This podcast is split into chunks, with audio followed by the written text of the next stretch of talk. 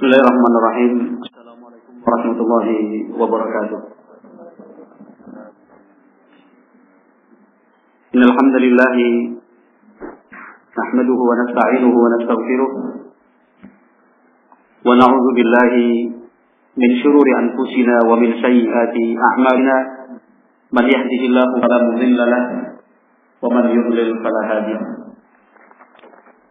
أشهد أن لا إله إلا الله وحده لا شريك له وأشهد أن محمدا عبده ورسوله صلى الله عليه وعلى آله وأصحابه ومن تبعهم بإحسان إلى يوم الدين. يقول الله عز وجل في كتابه الكريم يا أيها الذين آمنوا اتقوا الله حق تقاته ولا تموتن إلا وأنتم مسلمون. ويقول سبحانه يا أيها الذين آمنوا اتقوا الله وقولوا قولا سديدا يصلح لكم أعمالكم ويغفر لكم من يطع الله ورسوله ففوز الحديث كتاب الله وخير الهدى هدى نبينا محمد صلى الله عليه وسلم وشر الأمور فإن كل محدثة بدعة وكل بدعة ضلالة وكل ضلالة رحمكم الله ketika berbicara mengenai syukur bersyukur orang-orang bersyukur. Maka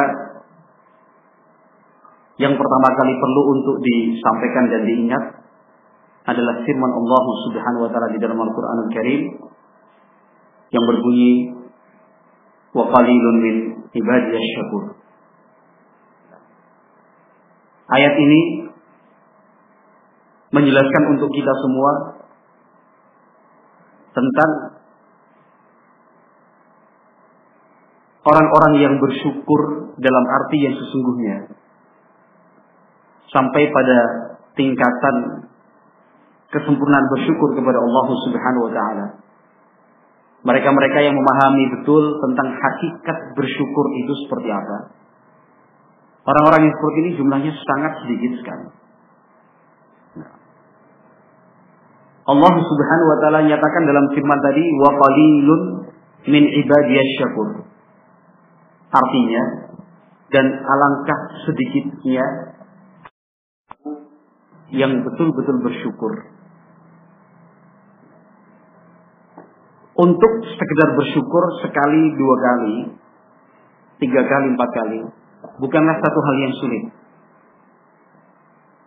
Tetapi yang disebut sedikit di dalam ayat ini adalah mereka yang selalu dan senantiasa bersyukur kepada Allah Subhanahu wa taala apabila bersyukur kepada Allah Subhanahu wa taala saat mendapatkan nikmat atau karunia itu bukan satu hal yang sulit. Bukan satu hal yang aneh insya Allah. Kita mendapatkan rizki, memperoleh nikmat, ya, mendapatkan curahan karunia dari Allah Subhanahu wa taala, kemudian bersyukur. Itu pada umumnya kaum muslimin mampu melakukannya. Tetapi mereka yang selalu bersyukur dalam kondisi dan situasi apa pun, ini yang disebut oleh Allah Subhanahu wa taala qalil, sangat sedikit sekali. Ketika dia mendapatkan nikmat, dia bersyukur. Ada musibah, dia tetap bersyukur. Saat Allah Subhanahu wa taala memberikan kelapangan, dia bersyukur. Ketika menghadapi kesempitan hidup, tetap dia bersyukur. Sehat dia bersyukur, sakit tetap bersyukur, untung atau mendapatkan laba dia bersyukur, ketika dia mengalami kerugian dia bersyukur. Panennya berhasil dia bersyukur, gagal panen pun tetap bersyukur. Jadi dalam situasi apa pun selalu bersyukur, syukur, syukur, syukur, syukur, syukur. Nah, nah orang yang seperti ini jumlahnya sedikit. Yang mungkin bukan kita, tetapi Allah Subhanahu wa taala yang menyatakannya dalam Al-Qur'an melalui firman-Nya tadi wa qalilun min ibadiyasy syakur. Alangkah sedikitnya hamba-hambaku yang bersyukur. Kita yang hadir sekarang ini termasuk pada kelompok yang mana? Nah, apakah kita termasuk mereka-mereka yang kelapangan, kenikmatan, nikmat dari Allah Subhanahu wa taala? Nah, karena sehat, ya, rezekinya lancar, bersyukur.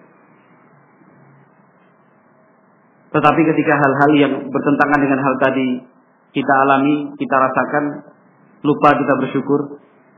Ataukah kita termasuk kelompok yang kedua? Kelompok yang kedua itu dalam situasi dan kondisi apa pun selalu bersyukur. Nah, sehat, sakit, senang, sedih, lapang, sempit, untung, rugi, berhasil, gagal. Nah, dalam situasi dan kondisi apa pun tetap bersyukur kepada Allah Subhanahu wa taala. Atau naudzubillah termasuk kelompok yang ketiga, tidak pernah bersyukur kepada Allah Subhanahu wa taala. Kalau kelompok yang pertama tadi masih bersyukur ketika mendapatkan karunia dan nikmat dari Allah Azza wa Tapi kelompok yang ketiga sama sekali dia tidak bersyukur kepada Allah Subhanahu wa taala bahkan ingkari nikmat tersebut datangnya dari Allah Subhanahu wa taala. Tetapi insya Allah melalui kajian-kajian semacam ini yang kita kaji dalam Al-Quran dan Sunnah Nabi Muhammad Sallallahu Alaihi Wasallam bukan satu hal yang mustahil bagi kita semua untuk kemudian pada saatnya nanti dengan pertolongan dan taufik dari Allah Subhanahu wa taala kita mencapai pada tingkatan yang paling tinggi, yang paling puncak dalam hal bersyukur dalam kondisi apa pun selalu bersyukur kepada Allah Subhanahu wa taala. Nah, bukan satu hal yang mustahil. Apabila ada di antara kita nantinya bisa meniru seorang ulama besar dari kalangan tabi'in bernama Muhammad bin Wasi' rahimahullahu taala. Nah, serta ulama-ulama lainnya. Tetapi sebagai contoh aplikatif saja adalah yang dialami oleh salah seorang pemuka dari kalangan tabi'in, murid sahabat-sahabat Rasulullah Shallallahu Alaihi Wasallam. Diriwayatkan dalam biografi beliau rahimahullah bahwa di tangan beliau di bagian luar ini mengalami luka yang kemudian mengeluarkan nanah darah luka di sebelah sini. Telapak bagian luka, eh, telapak bagian luar, tangan, telapak tangan. Luka. Nah, karena luka kemudian ada apa? Nanahnya, ada cairannya. Murid-murid beliau merasa kasihan dengan Al-Imam Muhammad bin Wasi' namanya. Kasihan ada luka seperti itu. Murid ya, sayang dan perhatian kepada gurunya. Ketika melihat gurunya, nah, menyaksikan beliau kok ada luka di tangan sampai seperti itu, tidak juga kunjung mengering. Nah, maka murid-muridnya juga merasa kasihan. Ditanya, wahai imam. Nah, e, mereka menyatakan simpati lah. Kasihan kepada Imam Muhammad bin Wasi rahimahullah ta'ala. Tetapi lihat cara berpikir dan konsep hidup para ulama kita. Nah, beliau justru mengatakan alhamdulillah. Bersyukur kepada Allah Subhanahu wa taala. Karena letak luka itu ada di sini. Jadi beliau berpikirnya bukan membandingkan antara ada luka dan tidak ada luka.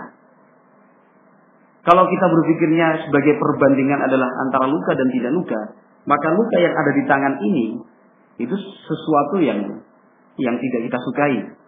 Nah, tapi coba bandingkan dengan sesuatu yang lebih parah lagi. Maka luka yang ada di tangan ini akhirnya kita syukuri juga. Kata Imam Muhammad bin Wasi rahimahullah taala, bersyukur beliau kenapa luka itu ada di tangan ini. Kata beliau coba bayangkan kalau seandainya luka ini ada di ujung lidah di pelupuk mataku atau di ujung kemaluanku. Jadi beliau memberikan perbandingan itu bukan antara ini luka dengan kalau tidak ada luka. Kalau kita berpikir kalau tidak ada luka kan lebih baik. Betul nggak? Ketika kita berpikir kalau tidak ada luka itu lebih baik, maka ketika ada luka ini berarti lebih buruk. Tapi beliau berpikirnya tidak seperti itu. Beliau mengatakan, coba bayangkan kalau senyum luka ini itu ada di ujung lidah. Lebih buruk mana bagi kita? Luka ada di telapak tangan ataukah luka yang ada di ujung lidah? Tentunya bagi kita luka di ujung lidah itu yang parah. Jangankan sampai luka bernanah. Terkadang satu apa satu bentuk Sariawan saja di ujung kita sudah merasa kesakitan, merasa tersiksa kok. Mau makan nggak bisa, minum nggak bisa. Yang sebelumnya cerewet gitu ya, maksudnya banyak ngomong terus, iya, aja gitu. Aktivitas yang lain terganggu. Kata beliau juga coba bayangkan kalau seandainya luka itu ada di ujung mata gini. Berat. Atau bilang beliau sebutkan tadi. Nah, seandainya luka seperti ini ada di ujung kemaluan itu.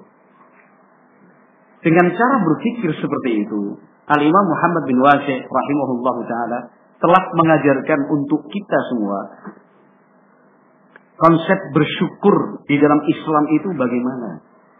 Nah, ternyata dalam situasi dan kondisi apa pun bersyukur itu harus tetap dilakukan.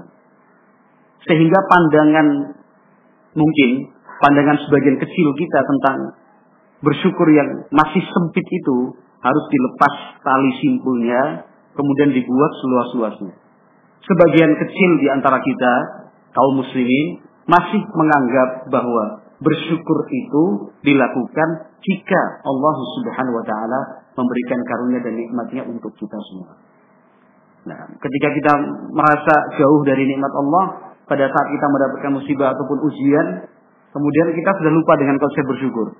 Lantas yang kita ingat konsep bersabar. Betul, Nah, dalam situasi menyedihkan, situasi yang penuh dengan ujian, kita memang harus bersabar. Tapi jangan lupakan sisi syukurnya juga. Karena dengan mengingat sisi syukur, kita akan mudah terbantu untuk bersabar. Sama juga sebaliknya, ini untuk melengkapi materi sebelumnya, sebagian kecil dari kita berpandangan sempit bahwa bersabar itu, bersabar itu barulah kita lakukan ketika datang ujian ataupun musibah. Padahal yang namanya bersabar itu harus selalu dilakukan dalam situasi dan kondisi apa pun. Ketika dalam keadaan senang kita bersabar. Ketika dalam keadaan susah bersabar. Jadi bersabar dan bersyukur itu selalu. Dalam situasi dan kondisi apa pun ada sisi syukurnya, ada sisi sabarnya. Orang yang sehat, misalkan. Ini konsep apa yang harus kita terapkan? Sabar atau syukur orang sehat? Kalau kita lihat dari kesehatan yang Allah berikan untuknya. Dua-duanya sabar dan syukur. Bersyukur kepada Allah Subhanahu wa taala kalau telah diberi kesehatan, bersabar untuk memanfaatkan dan menggunakan kesehatan itu di dalam beribadah kepada Allah Subhanahu wa taala. Orang yang sakit sekarang, konsep apa yang kita terapkan? Sabar atau syukur? Dua-duanya. Kan Orang yang sakit, dia harus bersyukur. Ternyata sakit yang dia rasakan masih belum seberapa parah dibandingkan orang lain yang situasinya ternyata lebih berat. Dia bersabar karena itu adalah ketentuan dari Allah Subhanahu wa taala. Sehingga kehidupan seorang muslim itu, kehidupan seorang muslim itu tidak akan lepas dari dua konsep ini. Sabar, syukur, sabar, syukur, kemudian dilengkapi dengan konsep yang ketiga, istighfar. Al-Imam Muhammad bin Abdul Wahab At-Tamimi rahimahullah taala sudah mengungkapkan hal ini sejak ratusan tahun yang lalu. Itu pun beliau ambil dan intisarikan dari sabda-sabda Nabi Muhammad sallallahu alaihi wasallam. Kata Imam Muhammad bin, Ab bin Abdul Wahab rahimahullah taala berkatakan iklam rahimahullah ketahuilah semoga Allah merahmatimu bahwa tanda kebahagiaan seorang hamba artinya seorang hamba yang menginginkan hidupnya bahagia tenang dan tentram itu ada tiga caranya. Ada tiga caranya. Idza u'tiya syakara wa idza betuliya sabara wa idza wa. Tiga ini. Yang pertama, kalau dia diberi oleh Allah Subhanahu wa taala sesuatu yang membuatnya bahagia, bersyukur. Ketika dia diuji oleh Allah Subhanahu wa taala dengan sesuatu yang tidak menyenangkan untuknya, maka dia bersabar. Ketika dia berbuat kesalahan, dia beristighfar. Orang seperti ini pasti sukses dan bahagia sukses dan bahagia.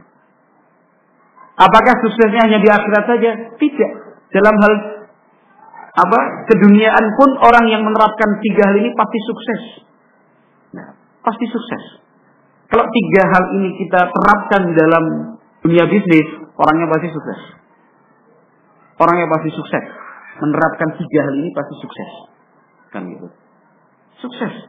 Nah, misalkan dia punya usaha, Nah, ketika dia punya usaha dapat untung laba. Iya kan? Untung laba tinggi melebihi rata-rata atau lebih dari target yang dia canangkan. Nah, dia berterima kasih kan syukur itu. Dari lebihnya harta ini, keuntungan ini dia bagikan sebagai bonus untuk karyawan-karyawannya, pegawainya, tetangga-tetangganya, tukang-tukang becak, supir-supir taksi yang biasa mangkal di daerah kerjanya, bagi. Kan itu. Kalau secara hitungan ekonomis mah rugi. Kan itu tak kerja kalau dikasih duit. Tapi masya Allah, kan itu. Orang tanya datang mau beli apa namanya nasi apa nasi goreng bakmi Jawa di mana?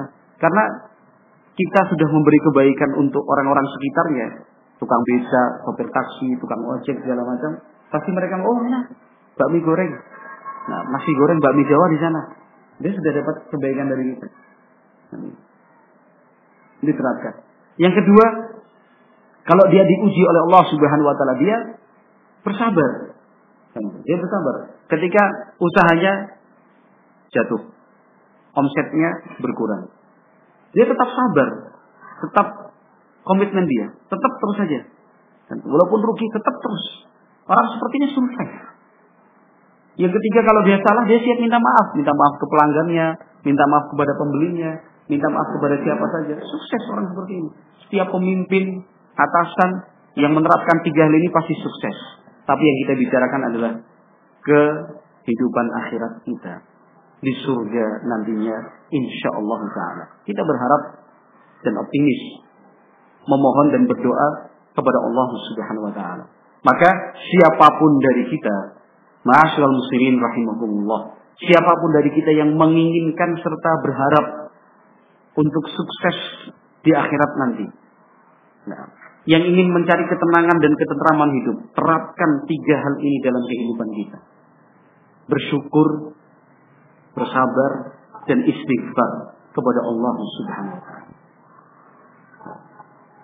Terkait dengan konsep bersyukur tadi, sudah kita dengar bersama kisah dari Imam Muhammad bin Wasi rahimahullah taala yang mengajarkan kepada kita bahwa sikap bersyukur itu harus dilakukan dalam situasi dan kondisi apa pun.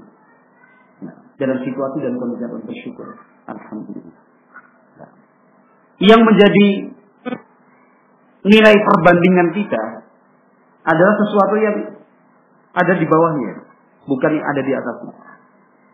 Kalau kita selalu membandingkan demikian, hidup kita itu selalu bersyukur. Nikmat, tenang, tentram. Karena yang jadi perbandingan kita yang ada di bawahnya. Sehingga apa yang kita punya pasti punya nilai lebih. Karena yang kita bandingkan ada di bawah kita. Bukan dalam rangka menghina, bukan untuk merendahkan, bukan dalam rangka kita ujub, sombong dan takabur, bukan.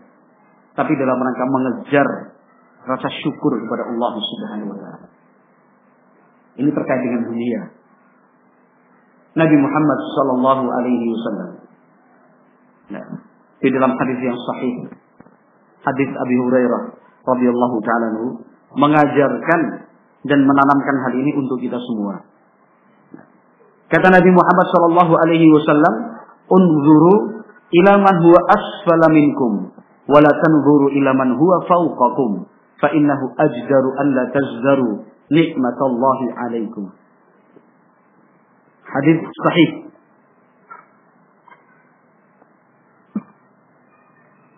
Rasulullah Shallallahu Alaihi Wasallam mengingatkan kita, perhatikan, kata Nabi, perhatikan mereka-mereka yang ada di bawahmu. Jangan engkau lihat orang yang ada di atasmu. Sungguh, dengan sikap seperti ini, kalian akan terbantu untuk tidak meremehkan nikmat yang Allah berikan untuk kalian. Kita akhirnya akan menghargai setiap nikmat dan karunia yang Allah Subhanahu wa taala berikan untuk kita. Jadi lihatlah yang di bawah kita. Jangan lihat di atas. Kalau urusannya ibadah dan semangat amal soleh, yang kita lihat dan kita bandingkan orang yang semangat lebih semangat dari kita. Jangan dibalik. Urusan dunia lihat yang di atas, urusan akhirat lihat yang di bawah. Kalau urusan akhirat lihat yang di atas. Ibadah amal soleh lihat yang di atas. Jangan lihat yang di bawah. Mending aku walaupun sholatnya terlambat terus. Coba lihat si fulan tuh, sholat aja enggak, Ini kan keliru. Dia membalikkan rumus dia. Nah, dia memperlakukan rumus secara terbalik. Nah, itu tuh lihat tuh. Tiap malam mengaji, tiap malam ikut pengajian, taklim. Kan itu. Ya masih mending aku kan tiap minggu sekali. Itu si fulan itu sebulan sekali aja enggak belum tentu. Ini salah penerapannya. Karena dalam hal ibadah, amal soleh yang kita lihat dan kita perbandingkan adalah yang lebih tinggi dari kita, lebih semangat dibandingkan kita. Nah, tapi kalau urusan duniawi, Nabi Muhammad SAW memerintahkan kita untuk lihatlah perbandingan itu yang ada di bawahmu. Nah, masalah sakit misalkan. Nah, kita sekarang sedang mengalami sakit. Nah, agar kita menjalani hari-hari sakit itu dengan tenang, dengan berzikir dan beribadah kepada Allah Subhanahu wa taala sehingga kita punya motivasi untuk sembuh, punya kemauan kuat untuk sembuh. Salah satu cara berpikirnya adalah masih banyak saudara-saudara kita yang mengalami sakit jauh lebih parah dibandingkan yang saya rasakan. Saya walaupun sakit masih bisa menulis. Saya walaupun sakit masih bisa berbicara. Saya walaupun sakit masih bisa berkomunikasi. Nah, saya meskipun sakit masih bisa dijenguk oleh kerabat dan sahabat. Tetapi berapa banyak saudara-saudara kita yang sakit masuk di ruang ICU. Jangankan orang lain, istri atau suami kalau yang sakit adalah perempuan, itu saja tidak boleh masuk. Kecuali pada jam-jam tertentu saja. Nah, itu pun nggak bisa berbuat apa-apa. Nah, berarti kan kita masih lebih baik dalam hal ini. Sehingga harus bersyukur kepada Allah Subhanahu wa taala. Itu urusan sakit. Tentang usaha, bisnis dan pekerjaan yang kita jalankan. Barangkali sekarang sedang turun pekerjaan kita mendapatkan beban tugas yang lebih dari hari-hari biasa. Dalam kondisi dan situasi seperti ini, cobalah terapkan konsep syukur. Alhamdulillah. Masih bisa beroperasi. Artinya jalan usahanya. Masih bisa apa memproduksi walaupun sedikit. Karena di sana masih banyak orang-orang yang bahkan sampai tutup usaha, bangkrut, pahit, menanggung sekian banyak tanggungan. Akhirnya kan kita bersyukur Alhamdulillah Dulu penghasilan sebulan 300 juta, sekarang turun jadi 120 juta. Masih banyak ya 120 juta. Contoh aja. Dulu sekian, sekarang sekian. Alhamdulillah masih terus jalan. Terus jalan. Coba bandingkan dengan mereka yang sampai tutup usaha, sampai bangkrut, pailit, mungkin mengalami depresi, stres dan seterusnya. Fala haula wala quwata illa billah. Kalau kita sudah berprinsip seperti itu, insya Allah hidup itu tenang, betul. Dan bisa diterapkan dalam hal apa pun. Gak punya mobil, adanya motor, alhamdulillah. Nah, masih banyak orang gak punya motor. Nah, motornya bagus-bagus, eh kreditan. Ini walaupun setengah bagus, setengah sederhana, tapi sudah punya sendiri. Daripada yang lainnya masih kreditan, tiap bulan harus mikir, Mikir apa? Pikiran. Kadang kita berpikirnya, aduh motorku kok kayak gini, lihat yang lain, uh motornya keren-keren, itu rata-rata kredit pak. Itu. Anda sudah punya motor sendiri, Alhamdulillah. Coba bandingkan lagi dengan mereka yang sama sekali tidak punya sepeda motor. Alhamdulillah. Panas-panas, antar jemput istri dan anak dari TA, dari tempat taklim ada temannya udah punya mobil dan yang lainnya. Ini masih pakai sepeda motor, alhamdulillah. Cara berpikirnya apa? Yang positif saja. Istrinya bilang dari belakang, bang, bang, kapan punya mobil bang? Masa dari dulu naik motor aja. Kita sebagai suami dengan senyum, deh, Kalau naik mobil, badan kita kan nggak bisa dempetan seperti ini deh. Iya kan, begitu Pak Ali ya. Pak Ali maksudnya udah punya mobil. Hmm. Tapi itu cara cara kita berpikir positif. Kan itu. Nanti kalau udah punya mobil, alasannya jangan yang itu lagi. Tapi alasan yang lain, Alhamdulillah deh, deh. Udah punya mobil, jadi bisa buka cadar. Kan gitu kan ya? Nggak kelihatan sama orang. Tapi kalau posisi kita punyanya motor, kemudian istri tanya, kapan beli mobil bang? Jawabannya begitulah. Yang mendukung kita untuk bersyukur deh. Lebih romantis gini kan. Kalau naik mobil kan pisah kan. Supir nggak mungkin kita nyopir istri kita dempet gini ya. Nggak konsentrasi kita nyopirnya. Bersyukurnya seperti itu konsep di dalam Islam itu deh. Alhamdulillah kita dengan naik motor gini dempetan terus kan itu. Saya bisa deket sama kamu kan itu. Hati itu tenang kalau udah moncengin kamu. Oh iya, kalau gitu nggak usah beli mobil ya bang loh. Alhamdulillah. Iya kan? Itu masalah kendaraan. Rumah pun demikian. Kan? Rumah apa adanya, rumah yang sederhana, bahkan mungkin kontrakan dan sewa. Cara berpikir kita masih ada, masih banyak. Coba lihat orang-orang yang ada di bawah kita itu. Orang-orang di bawah kita mungkin rumah pun tak punya walaupun sewa. Ya kan? Masih banyak yang tidak punya rumah, bingung. Satu rumah isinya empat keluarga, satu rumah isinya enam keluarga, satu kamar mandi dipakai bersama. Masih ada yang seperti itu. Nah, masih ada yang seperti itu. Maka kita berpikirnya seperti yang diajarkan oleh Nabi Muhammad SAW. Lihatlah yang ada di bawah kita. Jangan lihat yang ada di atas kita. Kan itu. Masalah fisik dan jasmani pun demikian.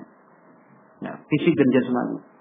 Kita ketika melihat apa namanya kondisi fisik kita kok merasanya lemah, ya, nggak begitu kuat.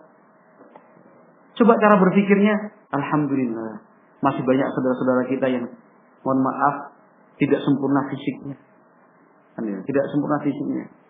Pengen ikut kerja bakti, ingin ikut gotong royong, tapi fisiknya lemah. Dia ngerti dan paham. Kalau dia sekali bekerja berat, itu nanti bisa sakit demam dua hari dua malam. Kenapa fisiknya nggak mendukung? Nah, tapi coba syukuri. Syukurinya dengan cara apa? Membandingkan melihat dengan saudara-saudara kita yang ternyata secara fisik masih kurang. Alhamdulillah. Walaupun begini, tapi kan bisa dilakukan, bisa di, dialihkan kepada yang lain buat minuman, nata makanan, ya kan? Yang fisiknya tidak begitu banyak dikeluarkan itu. Masya Allah. Alhamdulillah. Yang apa namanya masih punya orang tua misalkan. Ya. Masih punya orang tua kok masya Allah orang tuanya ini tipenya itu tipe yang yang masih ikut mengatur anak. Ada kan orang tua seperti itu? Intervensinya terlalu jauh di dalam rumah tangga anak. Padahal orang tua yang ideal itu kan orang tua yang sudah memberikan kebebasan dan kemerdekaan buat anak-anaknya yang sudah berkeluarga tentunya. Itu untuk hidup sendiri menentukan jalan hidupnya. Kita sebagai orang tua hanya bertugas merestui, mendoakan, mendukung. Nah, itu orang tua yang baik, orang tua yang ideal seperti itu. Maka nasihat saya seperti itu buat panjenengan semua kalau punya anak sudah siap berkeluarga dan sudah menikah, tidak usahlah kita terlalu jauh mencampuri urusan rumah tangga mereka. Kita tetap mendukung, kita berikan motivasi. Ya. Kita juga memperhatikan mereka, tapi hal-hal yang sifatnya teknis, nggak usahlah kita sebagai orang tua ikut-ikutan. Berikan mereka untuk kebebasan. Hidup, memilih jalan hidup seperti apa. Asalkan itu baik, dukung dan restui. Tapi, ini kan kita ambil sebagai contoh dan kita angkat. Orang tua kita, ternyata tipenya begitu, terlalu intervensi banget. Nah, ini ya terlalu intervensi banget itu maksudnya sering datang ke rumah. Kan. Kemudian hal-hal yang sifatnya teknis itu diomongin. Dapur kotor kayak gini. Kan. Kipas angin terlalu dekat ditinggiin sedikit. Lagi. Sofa kursi sama meja kok modelnya kayak gini. Tinggalan zaman. Gitu misalkan. Kemudian apa pakai dipan kasur dan yang lain dikomentari. Cat dinding dikomentari ya kan? Ember dikomentar, semua dikomentarin sama orang tua kita. Kan? Entah bapak, entah ibu, ya kan? Halaman penuh dengan rumput dikomentarin. Kadang-kadang kita sebagai manusia, bukan sebagai anak. Sebagai anak kan harus hormat kan itu ya. Tapi kita sebagai manusia kadang-kadang, oh, kan itu. Tapi coba syukuri dalam situasi seperti ini. Bersyukurnya bagaimana? Alhamdulillah masih punya orang tua. Nah, masih punya orang tua. Dalam bahasa kita, mohon maaf, sejahat apa pun orang tua, tapi alhamdulillah masih punya orang tua. Artinya, kesempatan kita untuk mendapatkan surga melalui pintu gerbang berbakti kepada orang tua itu terbuka. Terbuka. Maka Nabi Shallallahu Alaihi Wasallam mendoakan celaka kan, mendoakan celaka untuk seseorang adraka abawaihi ahadahuma au kilaihima falam yadkhulil jannah. Kata Nabi sallallahu alaihi wasallam celaka, celaka dan celaka. Untuk seseorang yang masih bertemu dengan kedua orang tuanya atau salah satunya, tapi kemudian dia tidak bisa masuk surga. Mestinya yang masih punya orang tua satu atau dua-duanya masih hidup, itu dia punya kesempatan besar untuk masuk surga dengan cara berbakti kepada kedua orang tua. Bersyukur masih punya orang tua. Walaupun kondisi dan uh, keadaan orang tua seperti itu tadi saya gambarkan. Dan, wah, serba ngatur, serba ini segala macam. Ke mana pun kita pergi, dan, ah, mana? Jangan jauh-jauh. Kamu ini, kasihan anakmu, kasihan istrimu. Aduh, kapan pulang? Dan seterusnya.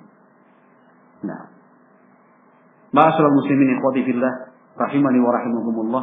Konsep bersyukur itulah yang diajarkan oleh Nabi Muhammad sallallahu alaihi wasallam yaitu sabda dan hadis Nabi sallallahu alaihi wasallam unzuru ila man huwa asfala minkum wa tanzuru huwa fawqakum fa innahu ajdaru an la tazdaru ni'matallahi alaikum lihat dan bandingkan dengan orang yang ada di bawahmu. Jangan lihat yang ada di atasmu. Ketika konsep ini kita berlakukan secara nyata dalam kehidupan kita maka selain kita akan terbantu untuk bersyukur kepada Allah Subhanahu wa taala kedua kita pun akan terjaga serta terlindungi dari sifat hasad, iri, ataupun dengki. Nah, itu akan terlindungi. Nah, terlindungi. Kita akan mudah sekali menghindar dan meninggalkan sifat hasad, iri, dan dengki. Kenapa? Kita nggak pernah lihat yang di atas. Tapi kalau sebaliknya kita selalu lihat yang di atas terus, Mudah sekali kita tergoda untuk iri dan dengki. Mudah sekali. Kita perhatian tetangga gitu. Kayaknya setiap tahun sekali ganti mesin cuci deh. Kan itu. Ganti terus, ganti terus. Setiap tahun sekali. Kita udah berumah tangga 7 sampai 10 tahun mesin cucinya itu aja. Akhirnya iri. Kenapa kita nggak bisa sama seperti tetangga kita yang setiap tahun sekali bisa ganti mesin cuci dengan keluaran terbaru, teknologi yang paling canggih. Dan terus terus terus begitu. Kita berpikirnya yang masya Allah masih ada saudara-saudara kita yang sama sekali tidak punya mesin cuci, harus cuci pakai tangan manual gitu. Kita berpikirnya alhamdulillah mesin cuci kita walaupun sudah 10 tahun tapi awet ya. Itu kan bukti kalau mesin cucinya memang kualitasnya terbaik. Sampai 10 tahun pun belum pernah kan ganti. Mesin cuci ini setia banget menemani kita ya. Jadi anak kita masih baru lahir, sampai sekarang anak kita udah usia 10-11 tahun. Mesin cuci ini nih, kenangannya luar biasa. Terlalu banyak tanda tangan di samping kanan dan kirinya. Peristiwa ini, peristiwa ini ditulis pakai spidol gitu. Itu kan akhirnya bersyukur. Tapi kalau tidak, kita mudah tergoda untuk iri dan dengki. Ah, ah. Karena dikit-dikit apa renovasi rumah, ya ganti genteng, ganti cat tembok, tambah taman, ada garasi, mobil, pintunya diganti, tamannya diperbaiki. Sempit dada ini. Sempit. Orang yang berpikir seperti itu pasti sempit hidupnya. Susah. Buat apa kita menyusahkan diri sendiri? Sementara kesempatan untuk mendapatkan kebahagiaan itu terbuka lebar-lebar dengan cara menerapkan konsep bersyukur kepada Allah Subhanahu wa taala. Masyaallah muslimin rahimakumullah. Konsekuensi dari nikmat atau karunia yang diberikan oleh Allah Subhanahu wa taala untuk kita. Konsekuensinya adalah kita mensyukurinya. Kita mensyukurinya. Nikmat yang Allah beri, kita syukuri. Karena kita mensyukuri nikmat, maka nikmat Allah itu akan ditambah. Ketika nikmat Allah itu ditambah, mengharuskan kita untuk bersyukur lebih baik lagi. Ya. Ketika kita sudah bersyukur dengan lebih baik, nikmat itu akan terus ditambah lagi. Ketika nikmat itu terus bertambah, mengharuskan kita untuk bersyukur, bersyukur terus. Sampai pada puncaknya, seorang hamba mendapatkan nikmat yang paling tertinggi. Sudah tidak ada nikmat lagi setelahnya. Karena dia menjadi hamba yang paling bersyukur kepada Allah Subhanahu wa taala. Kalau mau diangkakan sebagai contoh saja atau dibilangkan, kan nikmat nilainya satu. Allah beri satu nikmat. Kita bersyukur, Allah tambah, katakan jadi dua. Setelah Allah berikan nikmat dua, kan kita harus bersyukur nih, mensyukurinya. Setelah kita bersyukur, dari dua jadi empat. Ya kan? Nikmatnya ditambah. Setelah kita mensyukuri yang empat ini, karena kita bersyukur, Allah tambah jadi delapan. Terus begitu. Sampai kapan? Sampai puncak nikmat yang paling tinggi nilainya. Dan sampai kita menjadi hamba yang paling bersyukur kepada Allah Subhanahu wa taala. Itu. Nah, di dalam Islam. Allah Subhanahu wa taala berfirman, "Wa id ta'adzana rabbukum la in syakartum la azidannakum wa in kafartum inna 'adzabi lasyadid." Surat Ibrahim. Allah Subhanahu wa taala menyatakan dalam Al-Qur'an ayat tadi dan ingatlah ketika Rabb kalian telah menetapkan isi dari ketetapan dari Allah Subhanahu wa taala adalah la in syakartum la azidannakum. Kalau kalian betul-betul bersyukur kepada Allah, la azidannakum akan aku tambahkan nikmat yang diberikan. Wala in kafartum tapi kalau kalian kufur, tidak bersyukur kepada Allah, inna azabi lasyadid. Maka sungguh azabku sangatlah pedih. Maka azabku sangatlah pedih. Itu firman dari Allah Subhanahu wa taala. Nah. Maka seperti yang saya terangkan tadi, Allah beri nikmat kita syukuri. Nikmat itu ditambah mengharuskan kita untuk bersyukur lebih baik lagi. Setelah kita bersyukur lebih baik lagi, Allah tambahkan lagi nikmatnya. Terus begitu ya. Sampai kapan? Sampai nikmat yang paling tinggi. Nah, nikmat yang paling tinggi itu apa kira-kira kalau dalam bahasan seperti ini? Nikmat yang paling tinggi itu husnul khatimah. Nah, itu kan puncak nikmat yang Allah berikan. Husnul khatimah. Husnul khatimah itu artinya akhir kehidupan yang indah. Kita menutup usia, artinya kita tutup usia, meninggal dunia itu dalam kondisi mendapatkan ridho dari Allah Subhanahu wa taala. Itu puncak yang kita cari dan kita kejar. Nah, kalau sekarang mah belum belum bisa dijadikan ukuran, belum bisa dijadikan sebagai patokan. Nah, yang menentukan itu justru husnul khatimah. Akhir kehidupan kita nanti itu seperti apa? Nah, apakah mendapatkan husnul khatimah? Akhir kehidupan yang baik? Dan itu adalah cita-cita serta harapan kita semua. Ataukah na'udzubillah, semoga Allah melindungi dari kita. Su'ul khatimah. Akhir kehidupan yang buruk. Maka perjuangan kita di dunia ini cukup berat. Bagaimana mempertahankan serta meningkatkan rasa syukur. Jadi syukur itu selalu bertingkat mestinya, meningkat ya meningkat, meningkat, meningkat, meningkat kapan? Sampai finishnya yang terakhir, husnul khatimah tadi. Itu nikmatnya luar biasa. Sehingga predikat yang kita kejar dan kita cari adalah saat meninggal dunia nanti, kelak pada saatnya kita berstatus hamba yang bersyukur kepada Allah Subhanahu wa taala. Hamba yang bersyukur kepada Allah Subhanahu wa taala. Naam. Masyaallah muslimin, rahimani wa rahimakumullah. Seperti apakah kondisi orang yang betul-betul bersyukur itu? Maka jawabannya, marilah kita meneladani Nabi Muhammad Shallallahu Alaihi Wasallam. Karena beliau adalah teladan dan contoh untuk kita semua. Nah, implementasi dari syukur itu seperti apa? Kalau sekedar bersyukur saja, mengucapkan Alhamdulillah, semua orang bisa melakukannya. Tetapi yang sedang kita bahas sekarang adalah implementasi dari hakikat bersyukur itu bagaimana? Nabi Muhammad SAW kita ambil sebagai contoh dari sekian banyak aktivitas yang beliau lakukan, kita pilih satu saja. Ini untuk mengukur dan menakar rasa syukur kita selama ini bagaimanakah kualitasnya. Sudah cukup tinggi, sedang, atau masuk kualifikasi yang rendah. Nas'alullah as-salamat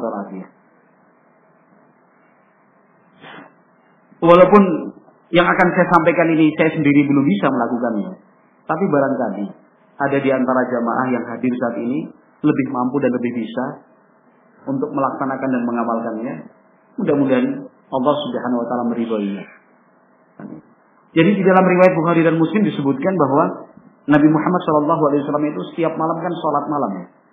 Sholat malam setiap hari ini. Ia mulai. Sampai diberitakan dan diinformasikan telapak kaki beliau itu mengalami apa namanya semacam bengkak begitu. Karena terlalu sering dan terlalu lamanya beliau sholat malam. Itu sampai kakinya bengkak. Apa mungkin bengkak? Mungkin aja. Coba. Nah, tiga bulan berturut-turut tiap malam berdiri dua jam tiga jam. Nah, tiap malam gini dua jam tiga jam. Nabi Muhammad SAW begitu tiap malam sholat sampai kaki telapak kaki beliau itu mengalami bengkak. Ibunda kita Aisyah, istri Nabi Muhammad SAW, karena saking sayang dan cinta. Sebagai seorang istri kan tentu harus sayang dan cinta kepada suaminya. Itu bertanya kepada Nabi Muhammad Sallallahu Alaihi Wasallam, Ya Rasulullah, lima fa'alta hadha? Wa qad ghafara laka min dzambika wa ma ta'akhkhar. Wahai Rasulullah, kenapa Anda lakukan seperti ini? Bukankah Anda itu sudah diampuni oleh Allah Subhanahu wa taala? Yang terdahulu maupun yang akan datang. Nah, artinya sudah pasti masuk surga. Kenapa masih seperti ini? Jawaban dari Nabi Muhammad SAW adalah, Ya Aisyah, afala akunu abdan syakur. Wahai Aisyah, apakah tidak boleh? Saya ingin menjadi hamba yang selalu bersyukur. Jadi ternyata implementasi dari syukur itu adalah diungkapkan dalam bentuk ibadah. Dalam bentuk ibadah kepada Allah Subhanahu wa taala. Nah, sehingga bersyukur itu tidak cukup dengan lisan mengucapkan alhamdulillah. Tidak cukup dengan mengatakan alhamdulillah, alhamdulillah. Misalkan ada di antara kita kok mendapatkan rizki, Artinya bulan tersebut eh, penghasilannya Insya Allah ya mengalami peningkatan yang luar biasa. Kita sebagai teman dan sahabat mengatakan, ya ikut senang ya, apa proyeknya sukses, ikut senang ya, rezekinya lancar, alhamdulillah, alhamdulillah. Alhamdulillah tapi ternyata tidak diimplementasikan dalam ibadah. Nah, itu. Ini keliru. Kalau memang betul-betul bersyukur kepada Allah Subhanahu wa taala, ungkapkan dan tunjukkan rasa syukur itu dengan beribadah kepada Allah Subhanahu wa taala. Sehingga orang yang paling banyak nikmatnya, paling besar karunia yang Allah berikan untuknya, mestinya menjadi orang yang paling semangat di dalam beribadah kepada Allah Subhanahu wa taala. Mestinya seperti itu. Bukan menjadi orang yang paling di belakang malah karena akhirnya tersibukkan, bukan. Tetapi dia menjadi yang paling terdepan di dalam beribadah kepada Allah Subhanahu wa taala. Contohnya Rasulullah. Contoh kita siapa? Nabi Muhammad sallallahu alaihi wasallam. Itu contoh kita. Betapa beliau setiap malam sholatnya panjang seperti itu. Ternyata yang mendorong beliau untuk melakukannya adalah bersyukur kepada Allah Subhanahu wa taala. Nah, semakin dekat dengan hari wafatnya Nabi Muhammad SAW semakin semangat di dalam beribadah. Saya ulangi kembali. Semakin dekat dengan hari wafatnya, Nabi Muhammad SAW semakin meningkatkan ibadahnya. Kenapa? Karena beliau sedang bersyukur kepada Allah Subhanahu wa taala. Karena dengan meninggalnya Rasulullah SAW maka nikmat yang paling besar itu telah Allah karuniakan untuk umat manusia, yaitu nikmat kesempurnaan Islam. Allah Subhanahu wa taala berfirman dalam Al-Qur'an, Al-yawma akmaltu lakum dinakum wa atmamtu alaikum ni'mati wa raditu lakum. Surat Al-Maidah. Artinya pada hari ini aku telah sempurnakan untuk kalian agama kalian, aku sempurnakan juga nikmatku atas kalian. Aku ridhoi Islam sebagai agama untuk kalian. Jadi kesempurnaan Islam itu nikmat yang paling besar. Nabi Muhammad SAW meninggal dunia dalam keadaan Islam itu telah sempurna. Maka Nabi Shallallahu Alaihi Wasallam memberikan contoh untuk kita saat nikmat yang paling besar dan paling agung ini yaitu kesempurnaan Islam itu Allah berikan posisi beliau adalah menjadi orang yang paling bersyukur kepada Allah Subhanahu Wa Taala. Ungkapan rasa syukur dari Nabi itu seperti apa? Ungkapan rasa syukur dari Nabi Shallallahu Alaihi Wasallam adalah dengan meningkatkan ibadah kepada Allah Subhanahu Wa Taala. Contoh menghatamkan Al-Quran Karim setiap bulan Ramadan, malaikat Jibril itu turun untuk mengulang kembali bacaan Al-Quran bersama Nabi Muhammad Sallallahu Alaihi Wasallam. Nah, setiap Ramadan Nabi Muhammad mudarasah atau mempelajari ulang Al-Quran. Pada tahun Nabi Shallallahu Alaihi Wasallam wafat, malaikat Jibril dalam tahun itu dua kali turun untuk menghatamkan Al-Quran bersama Nabi Shallallahu Alaihi Wasallam. Tahun meninggalnya Nabi Shallallahu Alaihi Wasallam. Terus itu kan menunjukkan ada peningkatan ibadah dari Nabi Shallallahu Alaihi Wasallam. Nah, ketika surat yang terakhir diturunkan Allah Subhanahu Wa Taala yaitu firman-Nya, "Idza jaa nasrullahi wal fath wa ra'aitan nasa yadkhuluna fi dinillahi afwajan, fasabbih bihamdi rabbika wastaghfir." Nabi Muhammad Shallallahu Alaihi Wasallam langsung meningkatkan ibadahnya. Surat ini kan menjelaskan tentang kabar gembira dari Allah Subhanahu wa taala bahwa kemenangan kejayaan Islam itu terwujud dan betul-betul akan terwujud seterusnya. Idza jaa nasrullahi wal fath apabila pertolongan dan kemenangan itu telah datang, pertolongan dari Allah. Wa ra'aitan nasa yadkhuluna fi dinillahi afwaja dan kau saksikan umat manusia itu masuk Islam secara berbondong-bondong. Dulu kalian belajar Islam sembunyi-sembunyi agar tidak diketahui oleh orang. Di akhir cerita semasa Nabi Muhammad SAW hidup, orang malah berbondong-bondong terang-terangan untuk masuk Islam dalam jumlah yang besar bergelombang. Fasabbih bihamdi rabbika wastaghfir. Maka banyak-banyaklah bertasbih dengan memuji Allah Subhanahu wa taala wastaghfir dan beristighfarlah kepada Allah Subhanahu wa taala. Istighfarlah kepada Allah Subhanahu wa taala. Sejak saat itu kata Aisyah dan istri-istri beliau yang lain, yuksiru fi ruku'ihi wa sujudihi subhanakallahumma wa bihamdika Allahumma ighfirli. Sejak saat itu Nabi Muhammad SAW ketika ruku, ketika sujud memperbanyak tasbih dan istighfar membacanya. Kalau mungkin kita selama ini membaca tasbih, ya, Subhana rabbiyal azim, subhana rabbiyal a'la saat sujud dan rukuk tiga kali. Nabi Muhammad SAW menjelang wafatnya itu diperbanyak. Subhanallah wa bihamdika Allahumma ghafirli. Doa itu. Subhanakallahumma wa bihamdika Allahumma ghafirli. Diperbanyak dalam rukuk dan sujud. Sehingga rukuk dan sujudnya Nabi Wasallam menjelang wafat itu relatif lebih lama dibandingkan rukuk dan sujud beliau sebelum-sebelumnya. Dalam riwayat yang lain disebutkan Nabi Shallallahu Alaihi itu setiap idza kharaja wa dakhala wa idza qama wa qa'ada. Ke mana pun beliau pergi, keluar masuk rumah, duduk dan berdirinya. Yang dibaca oleh Nabi Shallallahu Alaihi Wasallam adalah Subhanallah wa bihamdi. Allahumma firmu. Bertasbih dan beristighfar. Kegiatan kita kan tidak lepas dari empat hal ini. Keluar masuk, duduk berdiri. Tidak ada yang lain. Semua aktivitas kita kan dari situ. Keluar dari masjid, masuk masjid.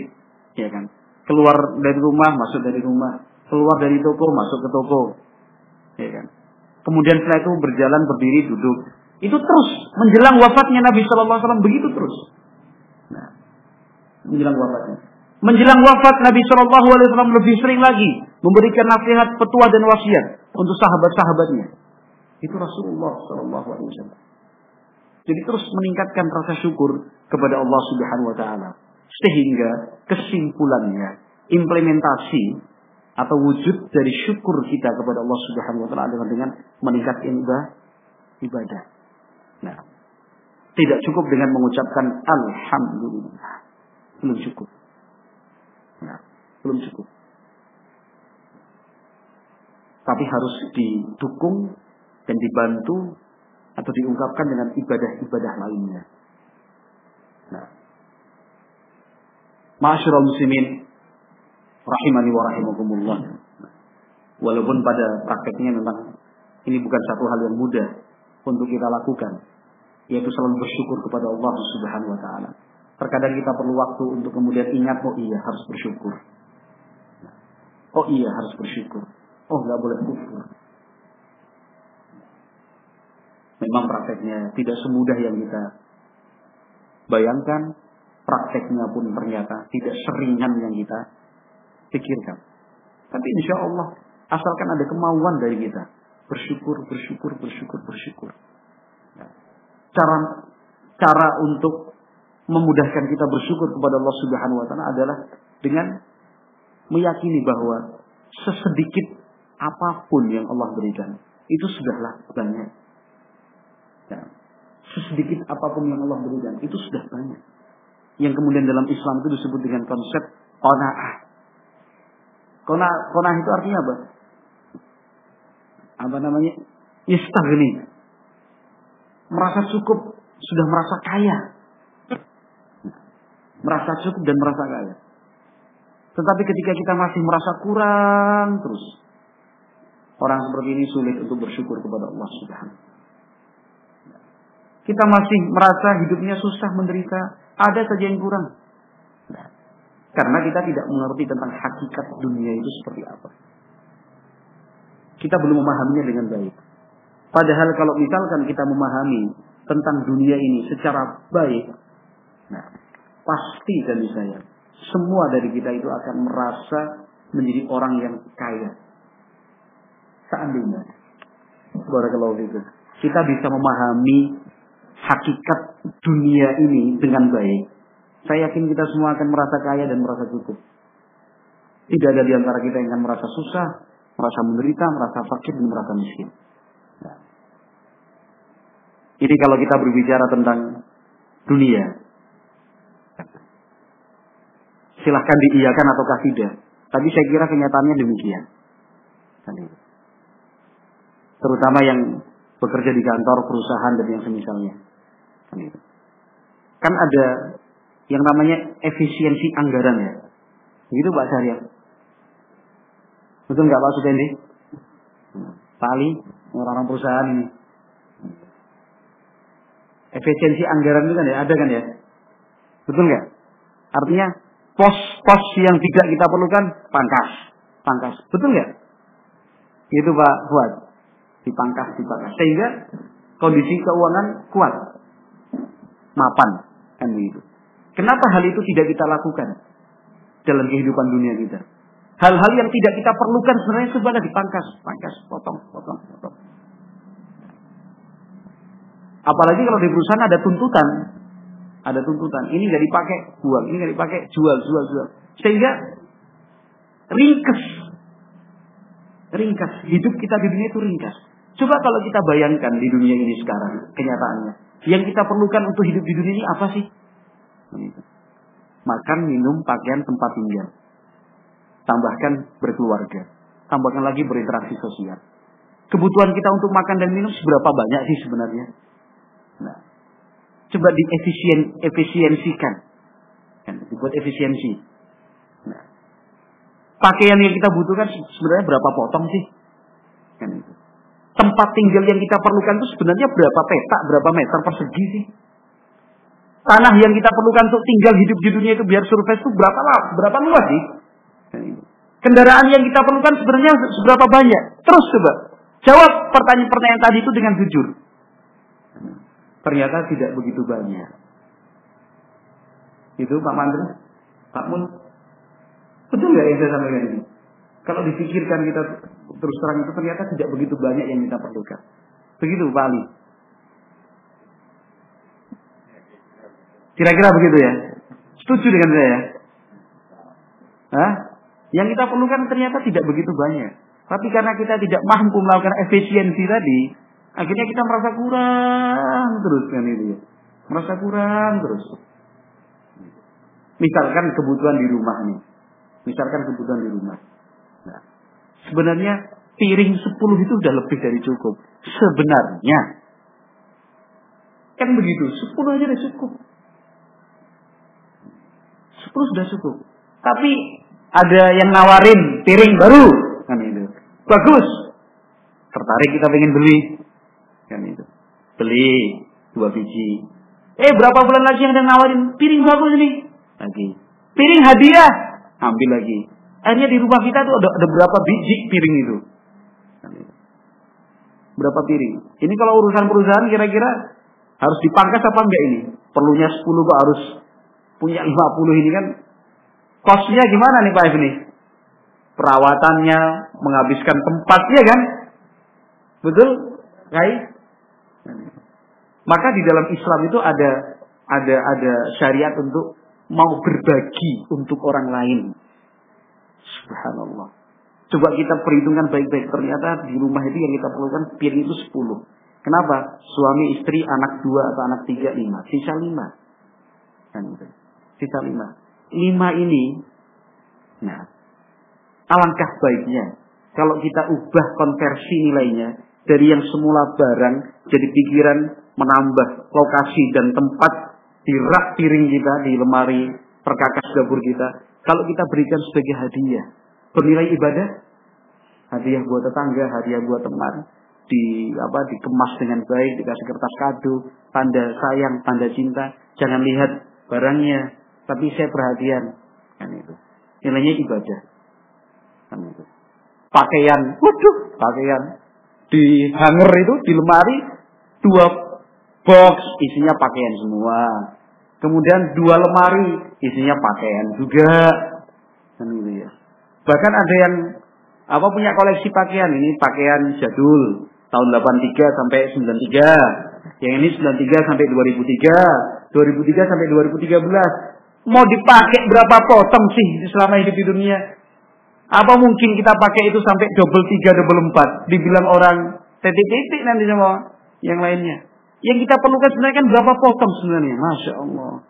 Nah, coba kalau seandainya sekian puluh, sekian ratus potong pakaian itu, kita pilih yang terbaik. Kita pilih yang terbaik artinya yang paling kita suka. Dan kita hitung ini cukup lah. Kan gitu. Cukup. Empat potong, lima potong, sepuluh setel. Kan itu ya, sepuluh setel.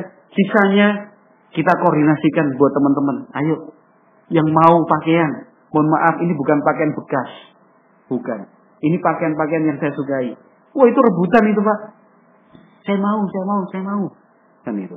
Apalagi kalau dikoordinasikan, dikonsolidasikan, kita punya program seperti itu, kumpulkan pakaian bagus, disetrika ulang, kita bawa ke laundry gitu misalkan, minta disetrika ulang, terus dikemas pakai plastik gitu.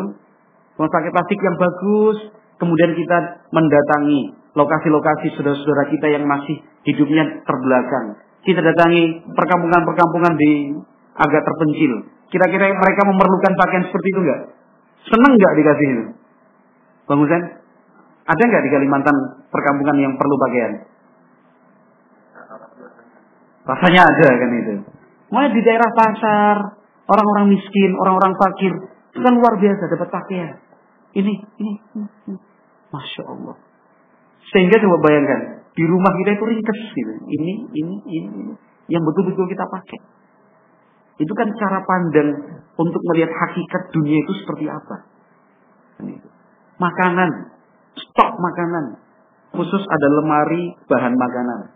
Minyak goreng sampai berapa puluh. Berapa puluh plastik itu. Yang kita pakai sebenarnya berapa sih? Iya kan? Karena kita takut aja berpikir, wah kan nanti bisa dipakai untuk bulan depan. Ini bisa bisa bertahan sampai setahun dua tahun ini. Kita lupa bahwa Allah itu maha kaya, Allah itu maha memberikan rezeki. Ketika yang 20 plastik itu kita sisakan 3 atau 4, 16 plastik lainnya kita bagi-bagikan sebagai hadiah untuk tetangga, teman ngaji dan yang lainnya, untuk ustadz dan pengajar anak-anak kita. Nah, Allah akan berikan ganti. Terus begitu. Sehingga coba konsep efisiensi anggaran di perusahaan yang kita dapatkan itu yang sudah kita pelajari bahkan kita terapkan, coba diterapkan dalam kehidupan kita ini. Berapa sih yang kita perlukan? dana dan uang yang kita punya. Nah, sebenarnya berapa sih yang kita perlukan untuk jaga-jaga Ustaz? Masya Allah, Allah maha kaya saudaraku. Allah itu maha kaya. Nah, jangan takutkan masa depanmu. Nanti asalkan uang dan harta yang engkau punya itu engkau salurkan di jalan Allah untuk membantu dakwah ilallahi azza wa jal. Itu tidak akan ada yang disia-siakan Allah. Mungkin tidak diberi ganti sekarang, tapi nanti di akhirat. Sementara Allah azza wa jal sudah mengingatkan kita, "Wa anfaqtum min syai'in fahuwa yukhlifuh." Apa pun dan seberapapun yang kalian infakkan, disalurkan di jalan infak, Allah Subhanahu wa taala akan memberikan gantinya. Nah, akan memberikan gantinya. Maka konsep seperti tadi itu sudah diterapkan oleh para sahabat loh.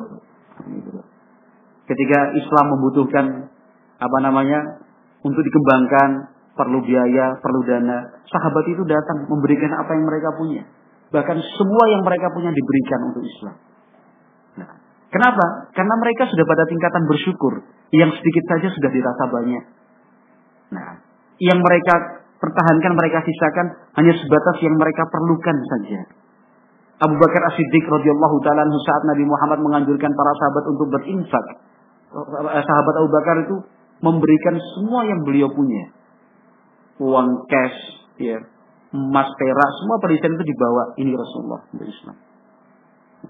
Nabi tanya, terus yang kamu tinggalkan buat keluargamu? Jawaban Abu Bakar Siddiq, Allah dan Rasulnya yang saya tinggalkan buat mereka. Bukan kemudian Abu Bakar kok mensia-siakan keluarganya tidak. Tapi sahabat Abu Bakar Siddiq radhiyallahu taala bisa berpikir, sekalipun semua yang ada di rumah ini saya berikan untuk Islam, saya masih bisa berusaha. Saya masih bisa bekerja. Masih ada pemasukan yang lain setelah saya berikan itu akan masuk. Sahabat Utsman bin Affan radhiyallahu taala anhu ketika dalam perang Tabuk jauhnya, panasnya sehingga membutuhkan biaya perang yang tidak sedikit. Nabi Muhammad SAW perintahkan sahabat-sahabatnya untuk memberikan apa yang mereka punya. Nah, waktu itu masa-masa pateklik artinya kekurangan bahan makan dan yang lainnya itu barang-barang perdagangan. 200 ekor unta berisikan muatan bahan-bahan dagangan milik sahabat Utsman bin Affan radhiyallahu taala itu datang dari Syam kalau tidak dari negeri Yaman sampai mendengar anjuran dari Rasulullah Shallallahu Alaihi Wasallam untuk berinfak, sahabat Utsman mengatakan 200 ekor unta ini dan semua beserta muatannya fisabilillah di jalan Allah. Bukan berpikir satu aja udah banyak loh. Nah, kalau dalam bahasa kita sekarang itu punya 200 truk, setiap truk itu isinya bahan-bahan sembako full begitu. Langsung, oh diperlukan untuk Allah, untuk perjuangan Islam. Semuanya untuk Allah. Nggak ada zaman sekarang. Kalau zaman sekarang satu truk aja udah ditulisin namanya, kemudian nama partainya, nama organisasinya, ya kan? Hah? Truknya dikembalikan, kan itu. Truknya dikembalikan. Tapi itu loh, ada nama yang ngasih dari partai ini, dari ini. Biar dikenal orang. Ya kan? Biar dikenal orang. Setelah itu foto-foto bareng selfie. Nih, bantu kaum miskin. Memberikan bantuan kepada rakyat kecil yang terkena musibah. Masya Allah. Sudah sedikit kan itu. Sudah sedikit apa namanya untuk dikatakan ikhlas susah lagi. Nggak tahu pun duitnya dari mana. Iya kan? Tapi sahabat Utsman 200 truk kalau bahasa kita itu full dengan semuanya. Bahan bakarnya. Billah. Kenapa kok para sahabat sampai pada tingkatan seperti itu? Karena paham betul yang diperlukan di dunia ini sekian. Sehingga yang lebih dari sekian itu apa namanya? Yang lebih dari sekian itu apa namanya sebutannya? Apa? Hidup di dunia itu kan yang diperlukan satu, dua, tiga. Sekian aja lah kalau dihitung, dikalkulasikan. Lebih dari itu. Ujian dari Allah Subhanahu Wa Taala. Kita pertahankan, padahal kita butuhnya cuma sepuluh ribu atau kemudian kita salurkan di jalan Allah untuk mencari ridho dari Allah Subhanahu wa taala. Bisa dipahami nggak yang saya sampaikan ini? Itu Pak Sarya? Ya, iya, Pak siapa? Pak Payo? Pak Payo ya? Pak Yono Pak Sarya? Pak Yono. Itu Pak Mulya. Sama. Sekarang misalkan contoh loh ini contoh ini kira-kira orang yang akan saya ceritakan ini akan dianggap apa oleh kita ini? Akan dianggap apa? Misalkan apa namanya dari Masjid Al Jihad, ya kan? Dari Masjid Al Jihad sampai rumahnya ya kira-kira 20 km dari sini di mana itu lokasinya?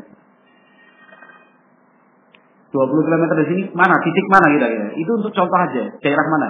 20 kilo dari sini. Kota Besi ya. Dari sini ke Kota Besi naik motor nih.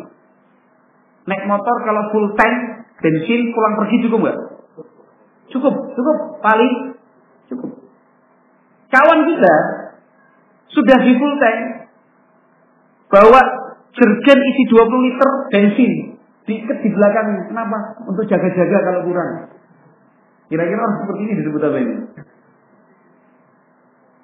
Padahal antara kota Sampit dengan kota Besi ada SPBU. Ada. Orang apa kira-kira kayak gini? Buat apa? Jaga-jaga aja kalau kurang. Enggak waras. Berarti kira-kira seperti itu juga lah. Kita kita ini kan itu ya. Kita kita ini yang sebenarnya hidup di dunia ini sebenarnya cukupnya sekian, tapi kita pengen apa terus ya.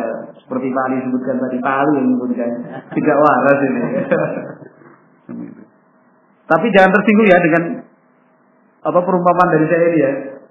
Tersinggung nanti ngaji salafi dibilang tidak waras itu juga.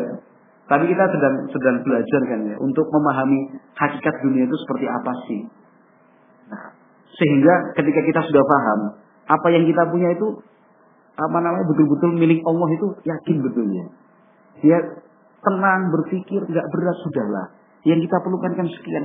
Punya tanah seluas-luasnya. Tapi ternyata yang kita perlukan cuma satu kali dua meter, dalamnya tiga meter itu udah paling dalam. Apa maksudnya? Kuburan. Iya kan? Punya tanah seluas-luas yang kita perlukan akhirnya nanti cuma satu kali dua plus tiga meter di dalam itu udah dalam banget itu tiga meter itu. Nah, nggak perlu pakai galam kan? Kuburan kok pakai galam? Udah selesai. Kemudian hektaran tanah puluhan ribu meter persegi tanah yang kita punya itu untuk apa? Itu kan lebih lebih. Nah, sesuatu yang berlebih itu. Sementara dalam Islam sudah saya sebutkan tadi, sesuatu yang berlebih itu berikanlah, salurkanlah untuk hal yang paling bermanfaat. Tentunya dalam hal ini kalau semakin jariah, semakin banyak manfaatnya jauh semakin baik. Tapi sayang kita belum sampai ke arah sana. Tapi kan kita sedang mengarah ke sana. Untuk sampai ke sana mungkin belum. Tapi kita punya komitmen untuk sama-sama mengarah ke sana. Mungkin sekarang kita masih berat untuk mempraktekannya. Nah, apalagi kalau kemudian perhitungannya salah atau keimanan kita yang kurang kuat. Pulang ke rumah akhirnya bilang sama istrinya, ini sumbangkan ini sumbangan, ini sumbangan, sumbangan, sumbangan, sumbangan, sumbangan tiga. Paling kita butuhnya segini aja. Baru dua hari tiga hari bingung, aduh kemarin kok tak kasihkan ya. Baru nyesel. Karena kurang perhitungan, karena imannya ternyata belum belum kuat. Imannya diperkuat dulu, takwanya juga demikian, ilmunya diperbaiki kualitasnya, sehingga tidak ada penyesalan. Bukan udah ini untuk apa beli tanah wakaf, ini untuk pembangunan besok calon masjid, ini besok untuk pembangunan TA, ini besok untuk model usaha dakwah biar dikembangkan. Sudah semua sebulan dua bulan baru tuh. Ini barangku mana ini kemarin? Lo kan udah dikasihin pak. Oh, iya ya. Udah dikasihkan bisa bilang kok masih di, dimiliki aja merasa dipunya. Nah, tapi menyesuaikan apa namanya tingkatan iman, takwa, demikian juga ketersediaan ilmu agama yang ada itu insya Allah yang terbaik. Insya Allah yang terbaik. Nah, maka kalau kita memperhatikan para sahabat itu, masya Allah, bersyukurnya itu luar biasa mereka. Bersyukurnya itu luar biasa. Nah, sehingga kalau kemudian di zaman itu antara yang kaya dan yang miskin itu memang tidak ada gap, ya. tidak ada apa namanya pertentangan kelas di sana. Itu memang demikian. Karena semuanya sama-sama bersabar, semuanya sama-sama bersyukur kepada Allah Subhanahu wa taala. Semuanya sama. Bersabar, bersyukur, bersabar, bersyukur. Luar biasa. Nah, yang bersabar membuat mereka meningkatkan ibadah kepada Allah. Ya. Yang bersyukur pun demikian karena rasa syukur itu selalu diwujudkan dalam bentuk ibadah kepada Allah Subhanahu wa taala. Rasulullah Shallallahu alaihi wasallam sendiri coba seperti apa kehidupannya. Kalau misalkan beliau mau punya istana atau rumah yang terbuat dari emas, bisa. Para sahabat pasti akan membuatkannya. Seandainya Nabi Shallallahu Alaihi Wasallam mau kemudian mempunyai pakaian dari sutra, semuanya pasti bisa. Sahabat akan memenuhinya. Seandainya Nabi Shallallahu Alaihi Wasallam ingin makan dan minum semewah raja dan kaisar Romawi atau Persia tadi itu juga pasti mau. Tapi ternyata itu bukan pilihan Nabi Shallallahu Alaihi Wasallam. Beliau lebih memilih untuk hidup sederhana karena yang beliau inginkan nanti kehidupan di surga bertingkat-tingkat berlipat-lipat kenikmatannya. Nah, sampai-sampai sahabat Umar bin Khattab radhiyallahu taala itu kan menangis. Menangis dan betul-betul menangis. Nabi Muhammad SAW ada di dalam ruang pribadinya. Nah, ada kamar pribadi. Nah, kecil ruangannya. Nah, ada konflik keluarga dialami oleh Nabi Wasallam karena waktu itu ada ada semacam tuntutan dari istri-istri Nabi untuk meningkatkan apa ekonomi keluarga. Lihat Nabi Muhammad pun mengalami yang seperti itu. Ya kan? Selama satu bulan, 29 atau 30 hari lamanya, Nabi Muhammad tidak menemui istri-istrinya. Diberikan pembelajaran. Sampai yang terakhir Nabi SAW diperintahkan Allah untuk menawarkan ke semua istrinya satu persatu. Kalau yang kalian inginkan, in Allah wa rasulah. Kalau yang kalian inginkan adalah Allah dan Rasulnya, sudah seperti ini. Wa in kuntunna turidnal hayata dunya kalau yang kalian inginkan adalah kehidupan dunia, kan itu. Fa kunna wa usarrihkunna sarahan jamila. Akan aku ceraikan dengan cara yang baik. Itu. Ya semuanya memilih Allah dan Rasulnya. Nah, semuanya memilih Allah dan Rasulnya. Tapi selama beberapa hari itu, Nabi Muhammad tinggalnya di kamar pribadi. Kecil. Ada anak tangga naik sedikit. Dijaga oleh seorang kepercayaan Nabi Shallallahu Alaihi Wasallam. Mantan budak atau masih budak waktu itu saya lupa sahabat Umar bin Khattab minta izin untuk bertemu Nabi. Nah, tapi yang jaga nggak berani, nggak berani ganggu Rasulullah. Bilang Umar yang mau ketemu, berani. Tidak ingin mengganggu ketenangan Rasulullah SAW. Sampai akhirnya Umar berpikir, wah nggak ada cara yang lain ini. Bilang Umar mau ketemu, dikentengin aja suaranya. Tujuannya biar Rasulullah yang langsung mendengarkan itu. Tadi kan, tolong Umar mau ketemu, nggak berani. Bilanglah Umar mau ketemu. Gak berani. Tuh. Umar mau ketemu. Tujuannya dia Rasulullah langsung mendengar. Ternyata yang betul Rasulullah mendengar. Oh ya. Suruh naik masuk. Umar masuk menghibur Rasulullah yang sedang sedih. Sampai Nabi Muhammad itu tertawa, dibuat tertawa oleh Rasulullah, uh, dibuat tertawa oleh Umar bin Khattab. Nabi Muhammad dibuat tertawa oleh Umar bin Khattab. Pintar, sekali. Tapi kemudian setelah itu diperhatikan kamar Rasulullah itu, Nabi Muhammad tidurnya sederhana sekali. Sampai apa namanya di badan e, di punggung dahi beliau dan pipi beliau itu bekas tikar yang kasar? Makanan betul-betul sangat menyedihkan sekali. Kalau kita menyaksikan secara langsung dan kita bandingkan sekarang ini kita akan mengatakan Rasulullah itu orang miskin. Dan kita lebih kaya kaya kayanya kemudian Umar bin Khattab menangis ya Rasulullah. Saya teringat dengan raja dan kaisar Romawi dan Persia. Padahal anda adalah utusan Allah. Kata Nabi SAW, Ya Umar, ama tarda an takuna lahumud dunya walana akhirah. Wahai Umar, apakah engkau tidak lebih memilih? Apakah engkau tidak lebih ridho? Dunia dan seisinya ini untuk mereka. Tetapi akhirat Allah persiapkan buat kita. Allah persiapkan buat kita. Nah, itu kan cara berpikir Rasulullah SAW yang kemudian diajarkan dan ditanamkan untuk kita sebagai sebuah keyakinan dan akidah kita. Bahwa kita sebagai umat Islam yang menjadi orientasi kita adalah akhirat. Nah, bukan dunia. Nah, sehingga kita tidak perlu terpukau, tercengang dengan apa namanya keduniaan milik orang-orang kafir. Teknologinya canggih, ini, ini, ini dan segala macamnya. Tapi kita berpikir bagaimana akhirat itu menjadi milik kita akhirat itu bisa kita raih dan kita capai. Dengan cara yang seperti itu, insya Allah. Dari beberapa poin yang saya sampaikan dari depan tadi, insya Allah. Kita akan terbantu untuk menjadi hamba yang bisa bersyukur dengan makna yang sesungguhnya. Nah, jadi yang perlu dijadikan apa poin-poin penting dari pembahasan kita sekarang ini satu bersyukur itu hukumnya wajib dua bersyukur itu dilakukan dalam setiap situasi dan kondisi. Senang ataupun sedih. Bahagia sedang berduka. Sempit ataukah lapang. Sehat, sakit. Untung, rugi. Sukses, gagal. Nah, dalam situasi dan kondisi apa pun kita diwajibkan bersyukur kepada Allah Subhanahu wa taala. Ketiga, setiap nikmat yang Allah berikan maka harus disyukuri. Karena setiap nikmat yang disyukuri Allah akan tambahkan nikmatnya. Dengan bertambahnya nikmat, maka kualitas syukur pun harus ditingkatkan terus begitu. Sampai kapan? Sampai kita bisa meraih puncak kenikmatan sebagai hamba yang paling bersyukur kepada Allah Subhanahu wa taala. Implementasi dari syukur itu apa? Banyak-banyak beribadah. Bukan sebatas mengucapkan alhamdulillah, tapi terus beribadah, tingkatkan ibadah itu dengan berbagai macam dan ragam ibadah itu sendiri. Kemudian untuk membantu kita bersyukur kepada Allah Subhanahu wa taala adalah selalu merasa cukup dengan apa apa yang Allah beri. Kalau kita sudah merasa cukup, merasa banyak, kita akan mudah bersyukur. Tapi kalau kita merasa kurang, mau bersyukurnya bagaimana? Ah, kurang, kurang. Kita tidak mengenal rasa syukur akhirnya. Untuk membantu kita agar yakin bahwa apa yang Allah berikan untuk kita sudah terlalu banyak, sudah cukup banyak, adalah dengan merenungkan ulang bahwa ternyata sekarang ini apa yang kita punya jauh lebih banyak dari apa yang kita butuhkan sesungguhnya. Maka perlu diadakan efisiensi anggaran. Perlu yang yang hal-hal yang kita lakukan ya dipotong, buat nggak perlu nggak perlu. Nah sisanya itu semua kita serahkan saja, kita salurkan di jalan Allah Subhanahu Wa Taala. Yang beri, saya berikan contoh tadi kan pakaian, ya kan?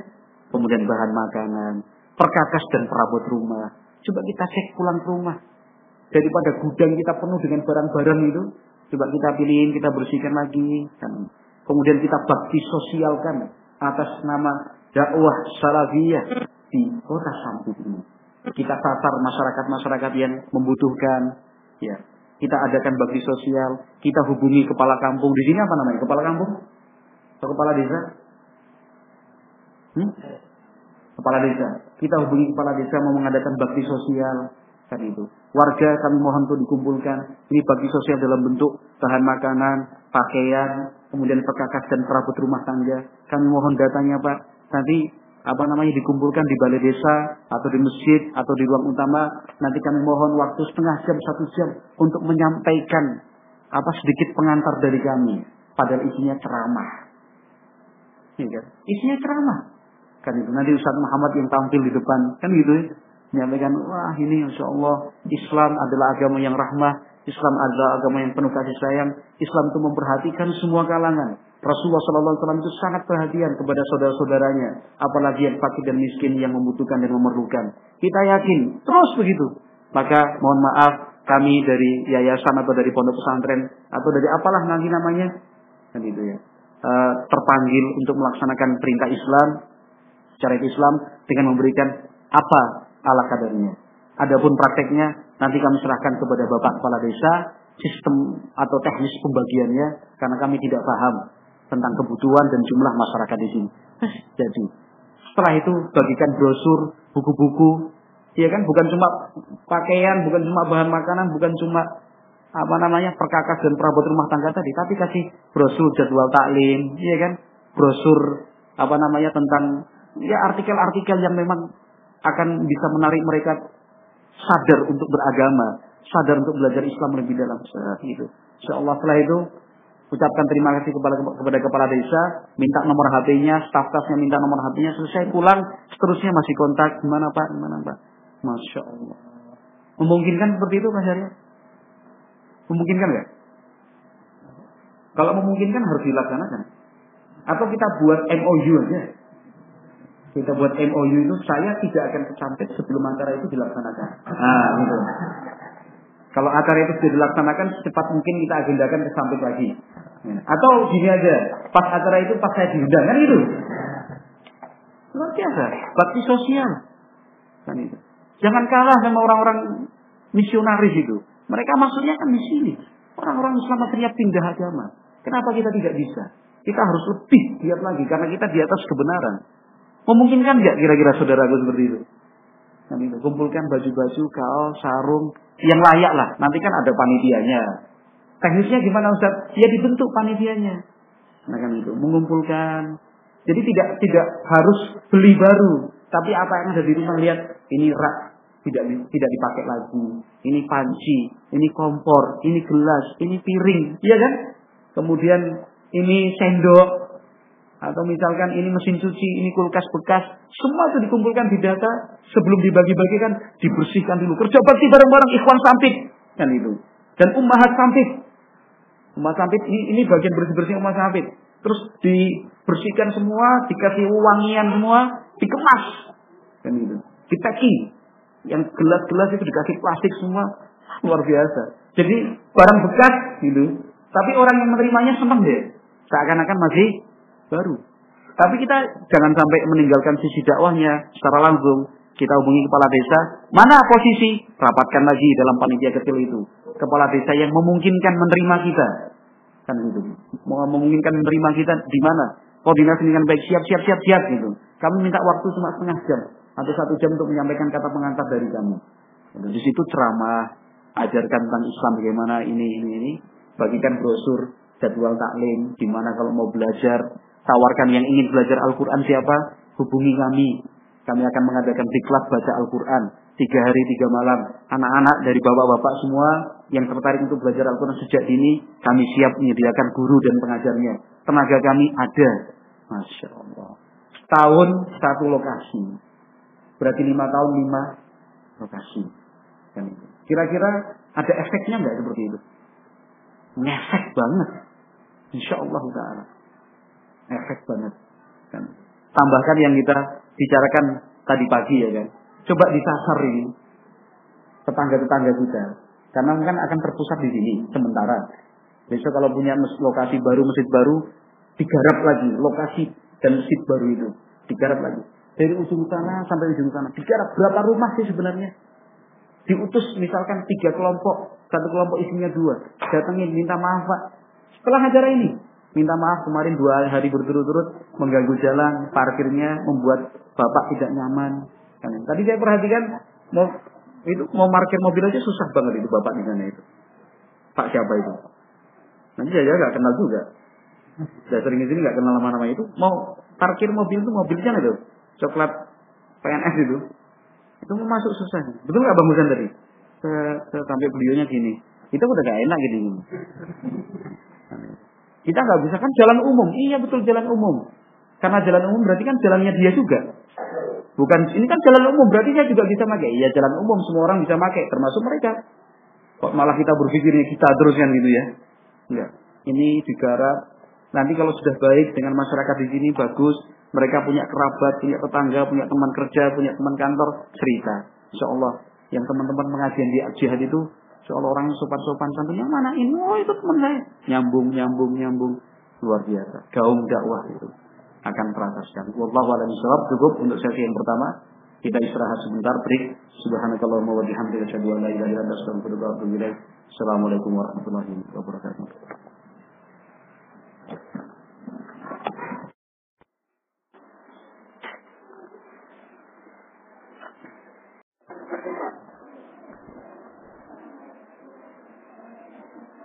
Nih. Pas.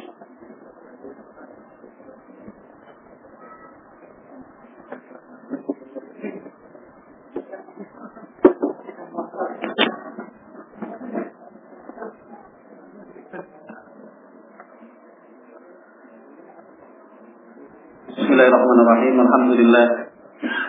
Wassalatu wassalamu ala Rasulillah wa ala alihi wa ashabihi wa man wala.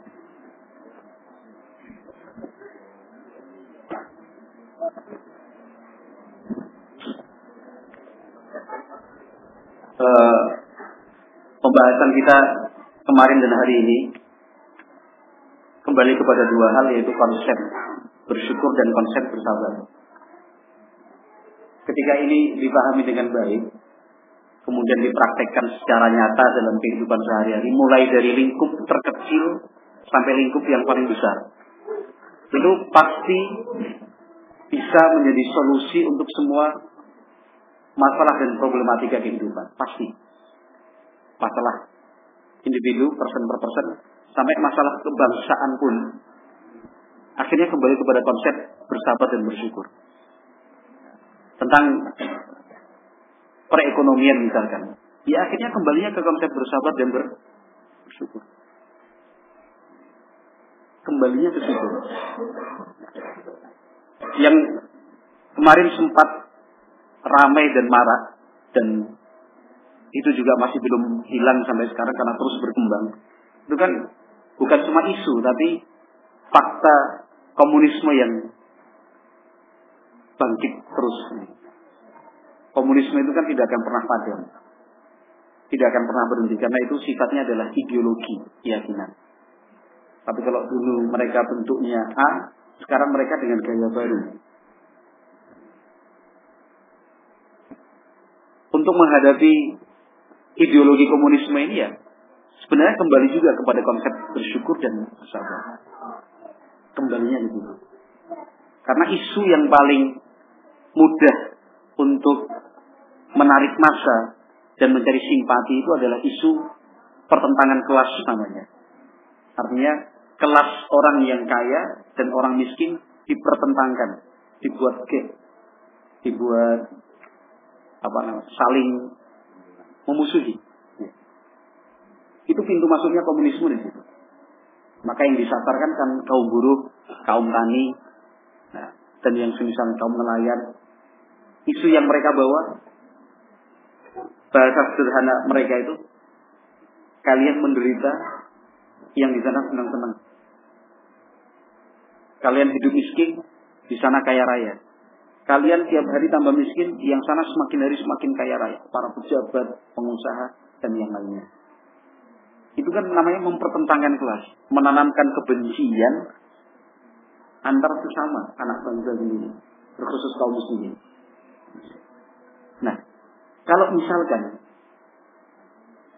ini masih bahasanya orang-orang komunis ini. Bahasanya orang-orang komunis. Kalau misalkan kekayaan bangsa ini dinikmati sama rata sama rasa, nggak ada orang miskin seperti bapak-bapak ini. Maka jalannya adalah kita perjuangkan bersama-sama. Itu untuk menanamkan kebencian kepada orang-orang yang apa yang lebih kaya dan berada. Akhirnya masyarakat kita itu benci sekali dengan orang kaya, pejabat negara dan yang lainnya tertanam. Selalu saja ada kesan buruk kalau sudah nyebut Jakarta, elit dan sebagainya pasti buruk. Nah, kita tidak mengingkari, memang ada seperti itu. Tapi yang sedang kita ulas sekarang ini adalah apakah dengan cara seperti itu kita mensikapi keberadaan orang-orang yang apa namanya yang yang memonopoli apa namanya kekayaan yang mereka menikmati kekayaan sendiri mengorbankan rakyat kecil apakah dengan cara menanamkan kebencian? Ternyata kan bukan. Kalau dalam konsep Islam itu ya bersabar dan bersyukur. Yang kita sampaikan kepada masyarakat kecil rakyat miskin para petani kaum buruh dan yang lainnya adalah bersyukur sabar. Justru kita memberikan motivasi buat mereka. Kabar gembira dan hiburan-hiburan yang pernah disampaikan oleh Nabi Muhammad SAW. Bukannya malah membenci atau mempertentangkan kelas. Yang kita sampaikan justru seperti yang disampaikan Nabi Muhammad SAW bahwa orang fakir, orang miskin, asalkan dia beriman dan bertakwa, kelak akan lebih dahulu masuk surga 500 tahun sebelum orang-orang kaya itu masuk surga. Jadi mereka menerima apa adanya. Kita sampaikan kepada saudara-saudara kita yang secara ekonomi di bawah garis kemiskinan atau bahkan miskin-miskin sekali. Kita sampaikan bahwa orang yang miskin dan fakir, kepemilikan harta itu sedikit. Pada hari kiamat nanti, hisapnya jauh lebih mudah, jauh lebih cepat. Proses perhitungan amal gitu, di hari kiamat nanti dibandingkan mereka yang punya harta kekayaan berlimpah. Proses hisapnya jauh lebih lama. Bersabar, bersyukur, mendoakan. Kepada mereka yang kaya, kita ingatkan untuk melaksanakan kewajiban, memperhatikan orang fakir, memperhatikan orang miskin, ya, bersedekah, memberikan hadiah, berbagi, bersikap lemah lembut kepada orang-orang lemah. Itu kan diajarkan juga di dalam Islam. Sampaikan juga bahwa Nabi Muhammad SAW sudah meletakkan konsep dasarnya. Kata beliau Wasallam, "Laisal mu'min alladhi yashba'u wa jaruhu ja'i." Itu konsep dasar diletakkan oleh Nabi Muhammad SAW. Kata Nabi, seorang hamba itu belumlah dikatakan sempurna imannya kalau dia makan minum sampai kenyang sementara ada tetangganya yang masih lapar. Itu konsep dasar diletakkan Nabi. Ini loh orang yang beriman itu. Konsekuensi untuk melaksanakan sabda Nabi di sini, kita sebagai umat Islam kan harus punya apa namanya kepekaan, sensitivitas yang tinggi terhadap lingkungan dan sosial kita. Bagaimana mungkin kita bisa memastikan tetangga kita sudah kenyang ataukah masih lapar, tetangga kita sudah makan ataukah belum, sementara kita tidak berinteraksi dengan mereka. Sehingga konsekuensinya kita harus bertetangga dengan baik. Kita harus mengenal satu persatu dari mereka itu secara dekat.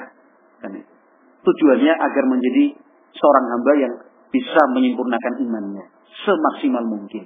Nabi seperti yang saya katakan tadi, tadi Nabi Muhammad sudah meletakkan konsep dasarnya laisal mu'min alladhi yashba'u wajaruhu ja'i. Seorang hamba itu belum dikatakan sempurna imannya kalau dia makan, minum sampai kenyang bahkan berlimpah sementara masih ada tetangganya yang lah lapar.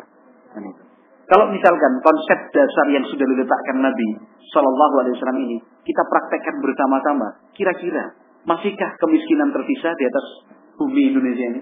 Masihkah tersisa kemiskinan? Masih nggak kira-kira? Nggak, nggak mungkin tersisa kemiskinan.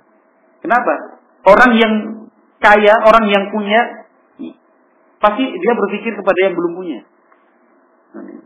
Cuma sayangnya yang jadi masalah itu, kita bahkan nah, sudah kenyang pun masih merasa lapar. Kita yang sudah sudah cukup pun masih merasa kurang. Masalahnya di situ. Kita yang sudah kenyang karena makan dan minum, masih menganggap orang lain masih ada yang lebih kenyang dan lebih cukup lagi. Masalahnya di situ. Begitu Pak Ali paham maksud saya. Masalahnya itu di situ. Padahal kalau dalam aturan Islam kan kita harus peka dengan oh sana belum makan, situ belum minum, sana masih kurang. Kita yang cukupi. Nah, dengan demikian pemerataan apa namanya pemerataan ekonomi dan sosial itu bisa maksimal dan nilainya ibadah bukan keterpaksaan. Kalau sistem komunis ya kan itu kan sistem paksa, ya kan. Tanahnya dirampas, dibagi rata. Harta emas perhiasan sekian dirampas, dimiliki oleh negara. Bahkan ada negara-negara komunis yang dulu sempat jaya itu membuat peraturan bahwa warganya tidak boleh memiliki harta lebih dari sekian tidak punya tidak boleh punya perhiasan lebih dari sekali itu terpaksa semua. Nah, terpaksa semua. Tapi kalau dalam Islam kan dorongannya ibadah, carilah pahala, ridho dari Allah Subhanahu wa taala. Sehingga saat membagi, saat memberi dan kita yang dibagi dan kita yang diberi itu sama-sama nyaman. Sama-sama merasakan apa namanya enjoy kalau bahasa kita.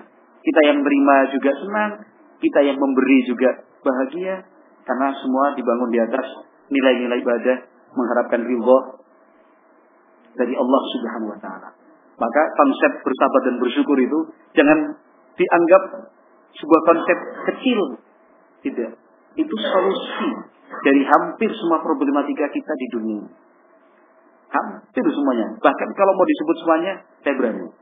Hampir semua, semua masalah di dunia ini akan bisa diselesaikan dengan konsep sabar syukur dengan pembahasan sabar dan syukur seperti yang telah kita sedikit terangkan dalam beberapa beberapa pertemuan sejak kemarin sore sampai sesi yang terakhir tadi. Nah, nah masih ada waktu yang tersisa kurang lebih satu jam. Barangkali ada apa contoh kasus contoh kasus yang apa namanya antum-antum panjenengan sampean-sampean anda-anda ingin sampaikan silahkan barangkali masih ada waktu setengah jam kita buka diskusi ringan kecil-kecilan, tapi tetap pada jalurnya tentang sabar dan syukur. Jangan sampai ke mana-mana. Walaupun ada kaitannya juga kan gitu ya. Seperti saya katakan tadi, semuanya kan kembalinya ke konsep sabar dan syukur kan itu ya. Tapi yang lain maksudnya. Silakan Pak Mul. Oh, awali. Ini santai sekarang ya. Ada waktu setengah jam cukup lah. Ya, kita kita sudah merasa memang kalau merasa Ya. kalau umpamanya ya. Ya. Tapi kita ini sebenarnya umur ya sudah lanjut. Ya. Aku masih semangat bekerja. Tapi memang semangat bekerja itu. Apa itu eh, termasuk Oh ya. Nah, itu Pertanyaannya bagus dari Pak Mul Pangkalan Bun.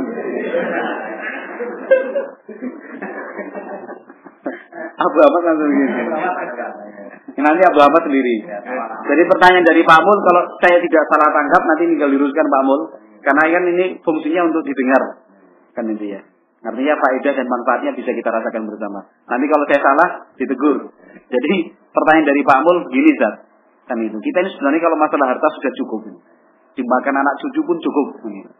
Kita semakin hari semakin tua. Tapi semangat kerjanya itu tambah kuat bahkan. Bukan semakin bukan tetap kuat tapi bertambah kuat. Apakah seperti ini termasuk tidak bersyukur gitu? Betul? Gitu. Ya, tambah.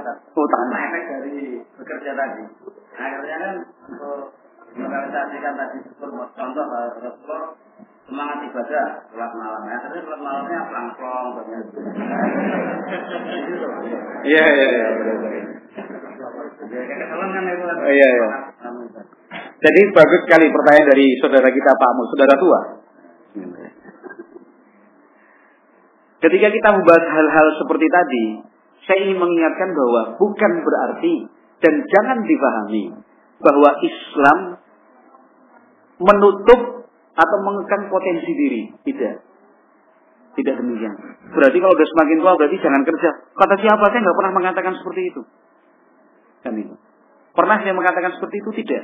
Tapi karena pembahasan kita sekarang konsep sabar dan syukur, maka memang mengarahnya ke sana. Tapi untuk melengkapi pembahasan kita, saya perlu mengingatkan. Bukan artinya Islam melarang kita bekerja. Bukan artinya Islam melarang kita untuk mengembangkan potensi diri. Walaupun semakin hari semakin tua. Tetapi bagaimana kita memaksimalkan agar apa yang kita lakukan semakin tua semakin terus semakin terus bernilai ibadah. Kan gitu. Jangan dipertentangkan antara bekerja dan ibadah. Bekerja pun bisa bernilai ibadah. Kan itu. Bekerja pun bisa bernilai ibadah. Tapi yang paling berat bagi kita itu bagaimana mengubah nilai bekerja yang pada dasarnya duniawi bisa bernilai ibadah. Kan itu. Kalau kita pertentangkan antara bekerja dan ibadah, hasilnya begitu Pak Mul. Tambah tua, tambah semangat, akhirnya sholat malamnya pelangkong-pelangkong kan itu. Itu akibat kita mempertentangkan antara ibadah dan bekerja. Tapi kalau kita bisa, apa namanya, kita bisa kompromikan. Dan itu memang tugas yang berat, luar biasa. Tugas yang berat luar biasa. Dasarnya adalah percakapan antara dua sahabat Rasulullah SAW.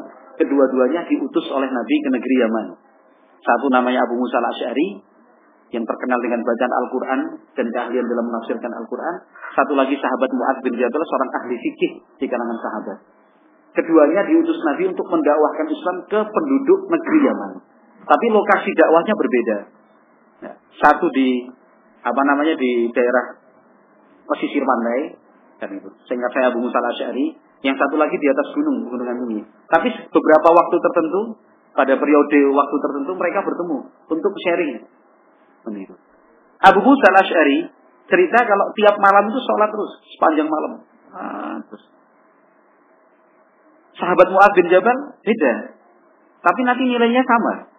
Kata sahabat Mu'ad bin Jabal, kalau saya kadang tidur, kadang sholat. Sekalipun sholat, tidak sepanjang malam yang saya lakukan. Separuhnya malam, seperempatnya malam. Tapi kata sahabat Mu'ad bin Jabal, ahtasibu. Naumati kama ahtasibu qaumati. Tapi dengan tidur, aku berharap mendapatkan pahala.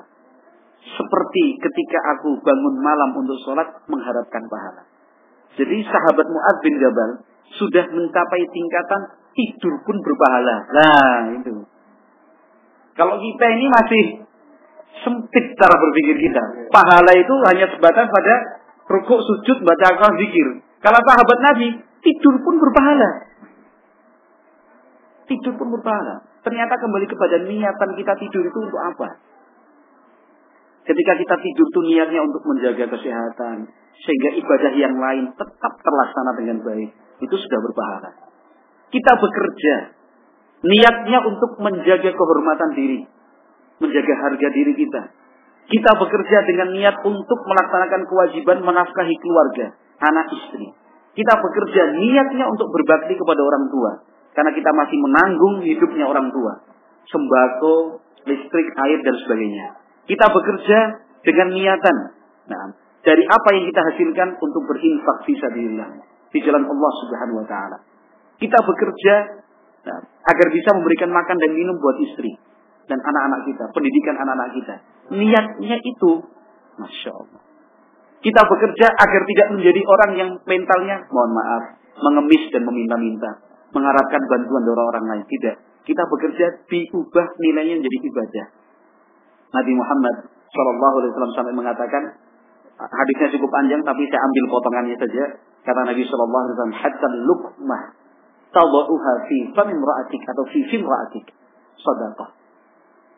Sesuap nasi yang engkau suapkan untuk istrimu dimakan istrimu itu statusnya sedekah. Berarti anda anda setiap hari, setiap malam selalu bersedekah untuk istri dan anak. Status sedekah tertulis. Tapi sudah disadari nggak kalau selama ini tiap hari bisa sedekah? Kalau belum disadari berarti bekerja yang kita lakukan selama ini masih belum maksimal untuk dikatakan ibadah. Karena itu kembali kepada niatan. Kayak Pak Ali, Pak Pendi dan yang lainnya kan itu. Bekerja Pak Fuad, ya. Semuanya lah tanpa terpisah dari kita. Kerja tapi niatnya untuk melaksanakan tugas sebagai kepala keluarga. Itu tiap sendok, tiap tegukan teh, saya minum dulu. Tiap tegukan teh yang diminum oleh anak istri keluarga kita itu statusnya sedekah. Artinya status sedekah itu berpahala. Itu nilainya ibadah. Tapi kan kembali kepada niat. Nah, kita niat kenapa enggak? Atau kita cuma niatnya ya kewajiban hidup, apa namanya tuntutan alam, atau apalah bahasanya. Ya nggak bernilai apa-apa akhirnya. Karena itu kembalinya kepada niat. Niat. Kembali kepada niat Pak Mul. Kan. Sekarang Rasulullah Shallallahu Alaihi Wasallam ketika saya sebutkan dan saya ceritakan kemarin atau tadi, ya semakin mendekati usia wafat itu semakin semangat beribadah. Yang saya maksud semangat beribadah itu tidak sebatas ibadah-ibadah yang kita kenal dengan sholat, zikir, doa, tidak. Tapi yang sifatnya fisik pun beliau terus beribadah pada Allah Subhanahu wa taala. Lihat Nabi Muhammad semakin apa semakin dekat dengan hari wafatnya, itu semakin sibuk untuk melayani umat. Waktu beliau full untuk umat. Utusan duta dari berbagai negeri berdatangan menyatakan Islam. Nabi Muhammad mengutus sahabat-sahabatnya itu berdakwah ke negeri-negeri Islam. Nabi Muhammad mengirimkan surat-surat kepada para raja dan kaisar agar mereka masuk Islam. Nabi Muhammad meletakkan fondasi-fondasi dasar yang kokoh tentang pembagian zakat, sedekah, infak dan yang lainnya. Nabi Muhammad Shallallahu Alaihi Wasallam langsung turun sidat ke pasar-pasar untuk melihat perekonomian, perekonomian rakyat bagaimana. Nabi Muhammad keliling ke ladang dan kebun-kebun sahabat-sahabatnya untuk memberikan petunjuk serta mengarahkan harus bagaimana. Itu Nabi Shallallahu Alaihi Wasallam. Jadi bukan kemudian semakin jangan dipahami bahasa saya kemarin atau tadi kalau semakin tua semakin semangat ibadah harus ke masjid terus enggak. Semuanya harus bernilai ibadah. Kan itu. Ketika semua itu sudah di atas konsep ibadah, orang itu tidak kenal tidak kenal capek. Orang itu tidak kenal capek. Kenapa? Walaupun kerja dari pagi, siang, sore, malam sampai malam, malamnya dia tetap semangat untuk beribadah. Kenapa? Dia lakukan itu semua dengan ikhlas. Jadi dia nggak berat, nggak capek. Ibadah itu menyehatkan. Ibadah itu tidak melelahkan. Ketika kita menganggap ibadah itu melelahkan, itu berarti kita belum sempurna dalam melaksanakan ibadah. Mohon maaf ya. Saya sendiri belum sampai ke sana. Tapi kan kita masih sebatas sharing kan itu ya. Kalau misalkan saya tidak bisa melakukan, mudah-mudahan ada dari panjenengan yang bisa melaksanakannya. Yang jelas secara teorinya begitu. Secara ilmiah, ilmiahnya, yang namanya ibadah itu tidak ada yang melelahkan. Dia walaupun lelah, nikmat dirasakan. Kan itu. Lelah itu tetap nikmat dirasakan. Jadi insya Allah begitu Pak Mul. Sekarang usianya berapa Pak Mul? 51. Masih ada paling enggak 9 tahun lagi lah. Ya kan Nabi Muhammad kan mengatakan begitu. Umurnya umatku kan 60 tahun sekitar itu. Bukan berarti kemudian 9 tahun lagi enggak masih ada kesempatan. Ya kesempatan untuk meningkatkan kualitas ibadah gitu Nanti kesempatan apa apa mas? Bahaya Jadi insya Allah demikian tamu gitu. Kalau seperti Pak Amul gini misalkan semakin tua semakin tua ya, semakin terdepan untuk membimbing apa namanya yang masih muda-muda di Pangkalan Bun memberikan contoh pondok begini, pondok begini, harus begini. Ayo, ayo, terdepan. Monggo yang lain. Silakan, Kai. Waalaikumsalam warahmatullahi wabarakatuh. Pak mau lagi kan? Iya guys. Kalau kita lapar. Lapar. Iya. Kalau kita harus kita Betul. Jadi kalau hanya sebatas itu, mungkin pahalanya enggak ada. Jadi bagaimana supaya kita makan, kita minum itu ada pahalanya. Seperti kata Ustaz tadi, kita tidur, saja ada pahalanya.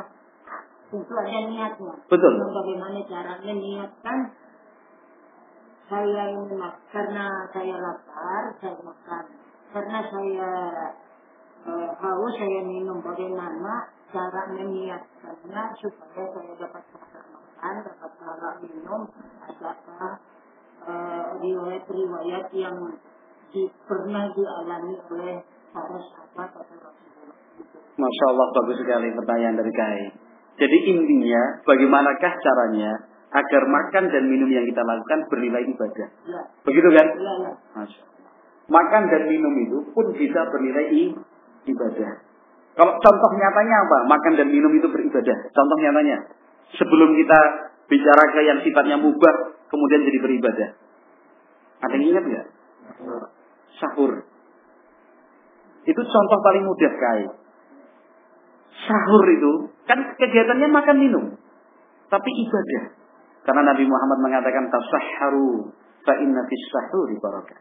Kata Nabi sallallahu alaihi wasallam, makanlah sahur karena makan sahur itu ada barokahnya. Ketika kita makan minum dalam rangka sahur untuk melaksanakan sunnah Rasulullah berarti sudah bernilai ibadah.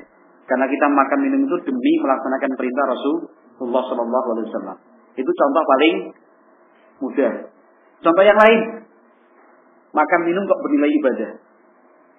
Artinya saya merasa perlu untuk memberikan contoh-contoh yang real, artinya yang mudah kita pahami, sebelum kita masuk ke contoh yang mungkin perlu pemahaman lebih dalam lagi. Apa contohnya makan minum kok ber, berpahala atau beribadah? Makan minum loh. Contohnya tadi makan sahur. Yang kedua, Hah? Uh, enggak, momennya dulu. Bukan teknisnya. Mas siapa namanya? Mas Ali. Ali juga. Nanti kita akan sebutkan mengawalnya dengan bismillah. Betul, itu kan teknisnya. Tapi yang saya tanyakan momennya. Makan sahur. Kedua misalkan undangan walimah dari saudara kita. Undangan akikoh dari saudara kita. Ketika kita hadir ke sana kan tujuannya apa? Makan, minum. Tapi niatan kita adalah untuk menyenangkan hati saudara yang mengundang. Ikut merasakan bahagia yang dirasakan saudara kita. Itu. Kita ingin apa namanya melaksanakan sunnah Nabi yang diajarkan yaitu akikah dan walimatul urus. Walimatul urus Pak Mul. Ya. Bentar lagi anaknya maksudnya. Kan. Itu sudah bernilai ibadah kayak. Karena tujuan kita adalah melaksanakan perintah Rasulullah Shallallahu Alaihi Wasallam. Nah, sekarang dalam kehidupan kita itu tadi contoh tiga contoh tadi kan mudah dipahami ya. Mudah dipahami? Mudah. Tapi yang contoh yang mungkin ingin ditanyakan ke misalkan kehidupan kita sehari-hari ini, makan, minum, makan, minum, makan, minum. Kok dinilai ibadah itu bagaimana? Satu, itu adalah bentuk syukur kita kepada Allah Subhanahu wa taala. Syukur itu adalah ibadah berpahala. Allah Subhanahu wa taala berfirman dalam Al-Qur'an, "Wa kulu washrabu wa la tusrifu, innahu la yuhibbul musrifin." Allah mengatakan dalam firman-Nya, makan dan minumlah, tapi jangan berlebihan.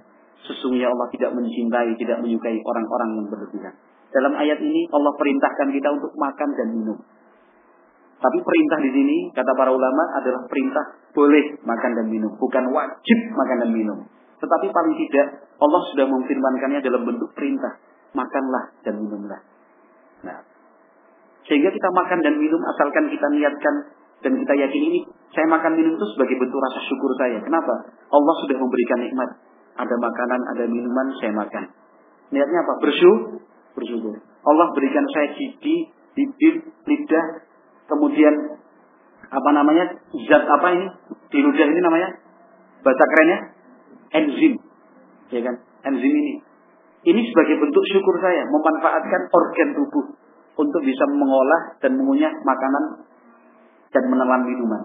Itu sudah bernilai ibadah, bersyukur.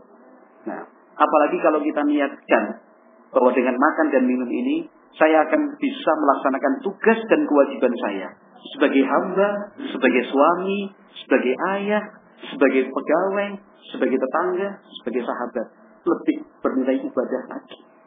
Kan Sekarang kalau misalkan, misalkan Allah Subhanahu wa taala memberikan kenikmatan untuk kita berupa makanan dan minuman. Lalu tidak kita makan sampai busuk.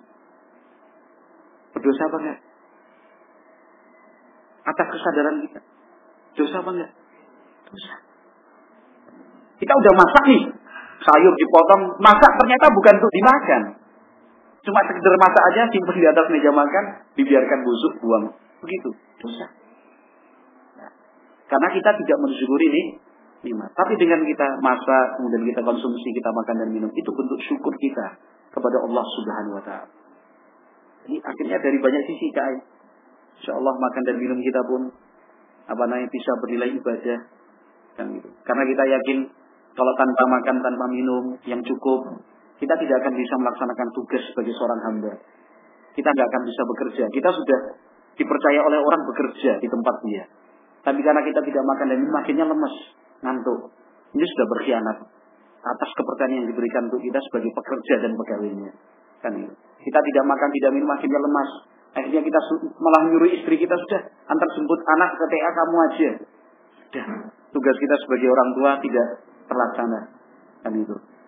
Kita dalam bersahabat dan bertetangga akhirnya kalau ketemu nggak nggak bisa senyum, nggak bisa membantu, nggak bisa menolong. Akhirnya kita yang salah. Jadi makan dan minum pun sebisa mungkin bernilai ibadah. Begitu kan? Cukup insya Allah. Gimana kai? Kalau saya supaya badan saya sudah bugar, saya bisa menjalankan ibadah dan ibadah. Sudah Ibadah. Ibadah sudah kena itu. Sudah kena sekali. Allah. Jadi kesimpulan dari KAI begitu. Nah, kalau ma- saya makan dan minum dengan niatan biar badan sehat, segar bugar, sehingga bisa melaksanakan ibadah yang lain, apakah sudah masuk? Masuk. Sudah benar masuk. Begitu? Ya, kegiatan makan minum kan. Iya. Apakah kesehatan? Oh, itu kembalinya kepada niat-niat itu tidak perlu terucap ya intinya kan gitu. Sekarang kita. Nah iya, makan dan minum kita, walaupun niatnya untuk sehat, itu juga bagian dari bersyukur. Allah memberikan kekuatan fisik untuk kita. Apa organ pencernaan mulai dari mulut sampai dengan tenggorokan, usus 12 dari usus besar sampai kemudian berubah jadi feses, ya kan?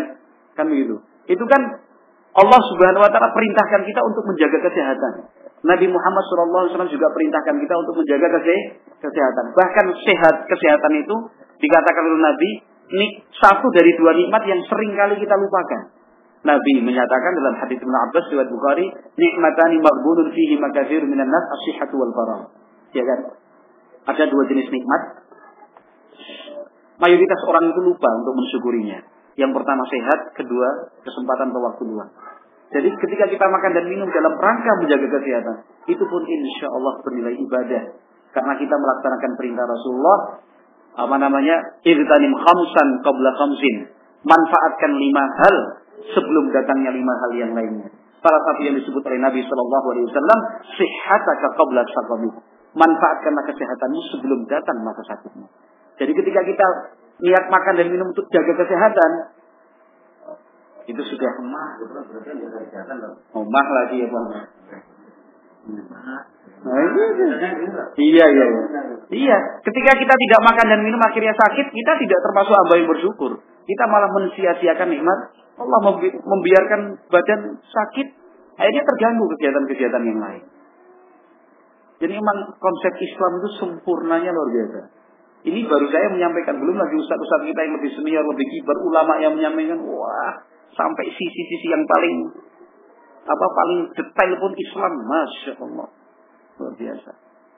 Monggo ada yang lain lagi? Masih ada 5 menit, 7 menit. Silakan. Gimana Pak Ali?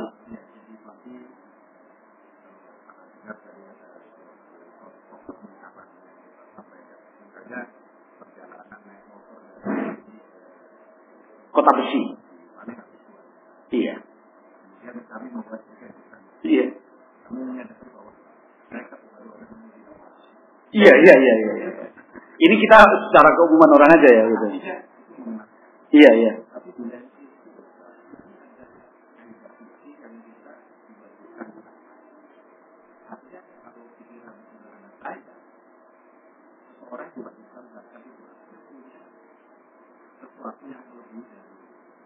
Iya.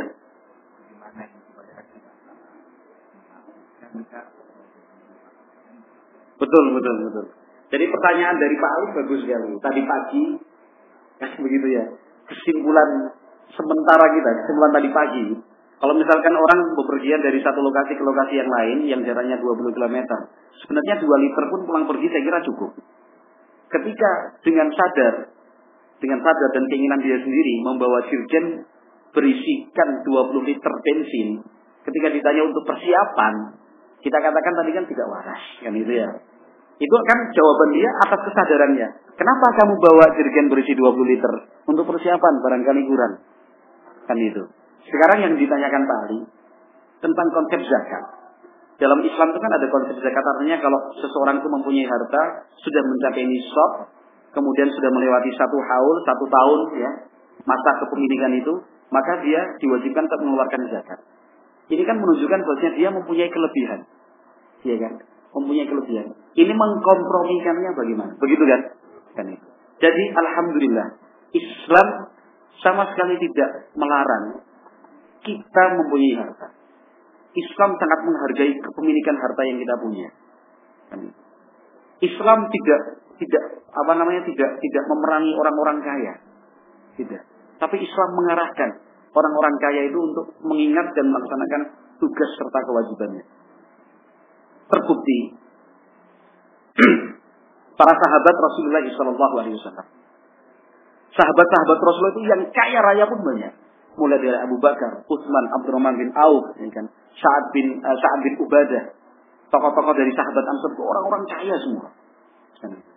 Tapi luar biasa. Mereka yang punya kelebihan harta tadi, itu kan tentang zakat hukumnya wajib.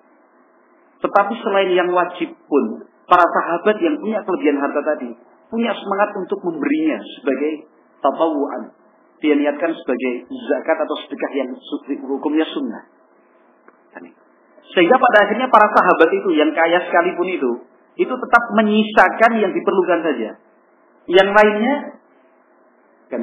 Yang lainnya misalkan eh, apa nisab zakat, katakan 20 juta. Dia punya uang 25 juta. Berarti kan sudah mencapai nisab 25 juta. Diambil katakan 2,5 persennya.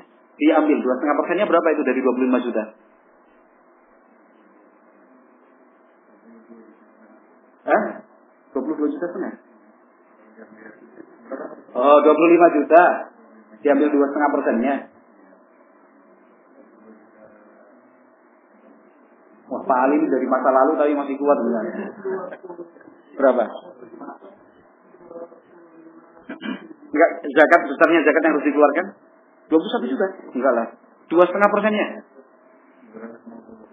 250 kan 250 500 ribu ya kan? Tambah setengahnya 200 500 ribu berarti 625. Iya kan? 625. Yang wajib dikeluarkan 625. Ini wajib dikeluarkan. Tapi kalau sahabat selain 625 ribu ini dikeluarkan, yang dikeluarkan secara sunnah itu lebih banyak lagi. Misal kalau dalam hitungan angka yang diperlukan 10 juta. Maka yang 15 juta itu dikeluarkan. 625 statusnya wajib zakat. Yang kemudian sisanya berarti uh, 14 375 itu diberikan sebagai sunnah. Itu para sahabat Rasulullah Wasallam. Artinya kalau ingin dianalogikan dengan contoh tadi pagi, dia bawa 2 liter bensin itu, ini itu. Kalau untuk apa namanya untuk untuk boleh, kenapa kamu bawa 2 liter ini? Untuk saya bagi-bagikan buat saudara saya yang buat saudara saya yang kurang yang perlu bensin daripada mereka beli, saya bagi-bagikan. Kan itu. Kenapa Anda kok dari rumah bawa 20 liter? Ini para peserta akan saya tawarkan. Yang pengen ngisi bensin gratis. Begitu maksudnya. Iya, itu ya, ini waras. Sama bawahnya tapi waras. Kalau tadi kan contoh yang pertama, kenapa? Jaga-jaga kalau kurang. Gak mungkin kurang kan. 2 liter untuk 20 km pulang pergi 40 km cukup. Cukup sekali. Tapi kenapa bawa 20 liter? Ini saya tulis infak. Untuk teman-teman disediakan dengan corongnya sekaligus kan gitu ya. Infak untuk para peserta daurah yang sudah betul-betul kehabisan bensin, silahkan isi. Nah, tinggal kepada peserta daurah, kesempatan ini. Kan itu. Kesempatannya apa kan itu? Dia merasa paling membutuhkan atau dia berpikir masih ada teman saya yang membutuhkan.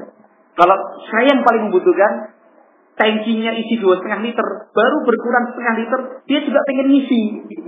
Ngisi yang setengah liter biar tetap penuh. Tapi kalau berpikir yang baik kan itu, Bok barangkali masih ada saudara saya yang betul-betul habis tankinya dua setengah liter, tinggal sekian mili, tinggal sekian cc misalnya. Itu dulu. Dia masih enggak punya saya masih dua liter. Begitu Ali. Cukup insya Allah. Insya Allah mudah-mudahan ya aplikatif lah dengan kehidupan kita sehari sehari-hari. Wallahu a'lam bishawab. Mudah-mudahan Allah Subhanahu wa taala memberikan barokahnya kita semua dan semoga Allah Subhanahu wa taala memberikan kekuatan bagi kita untuk bisa mengamalkan apa yang telah kita pelajari. Subhanakallahumma wa bihamdik asyhadu an la ilaha illa anta astaghfiruka wa atubu. Assalamualaikum warahmatullahi wabarakatuh.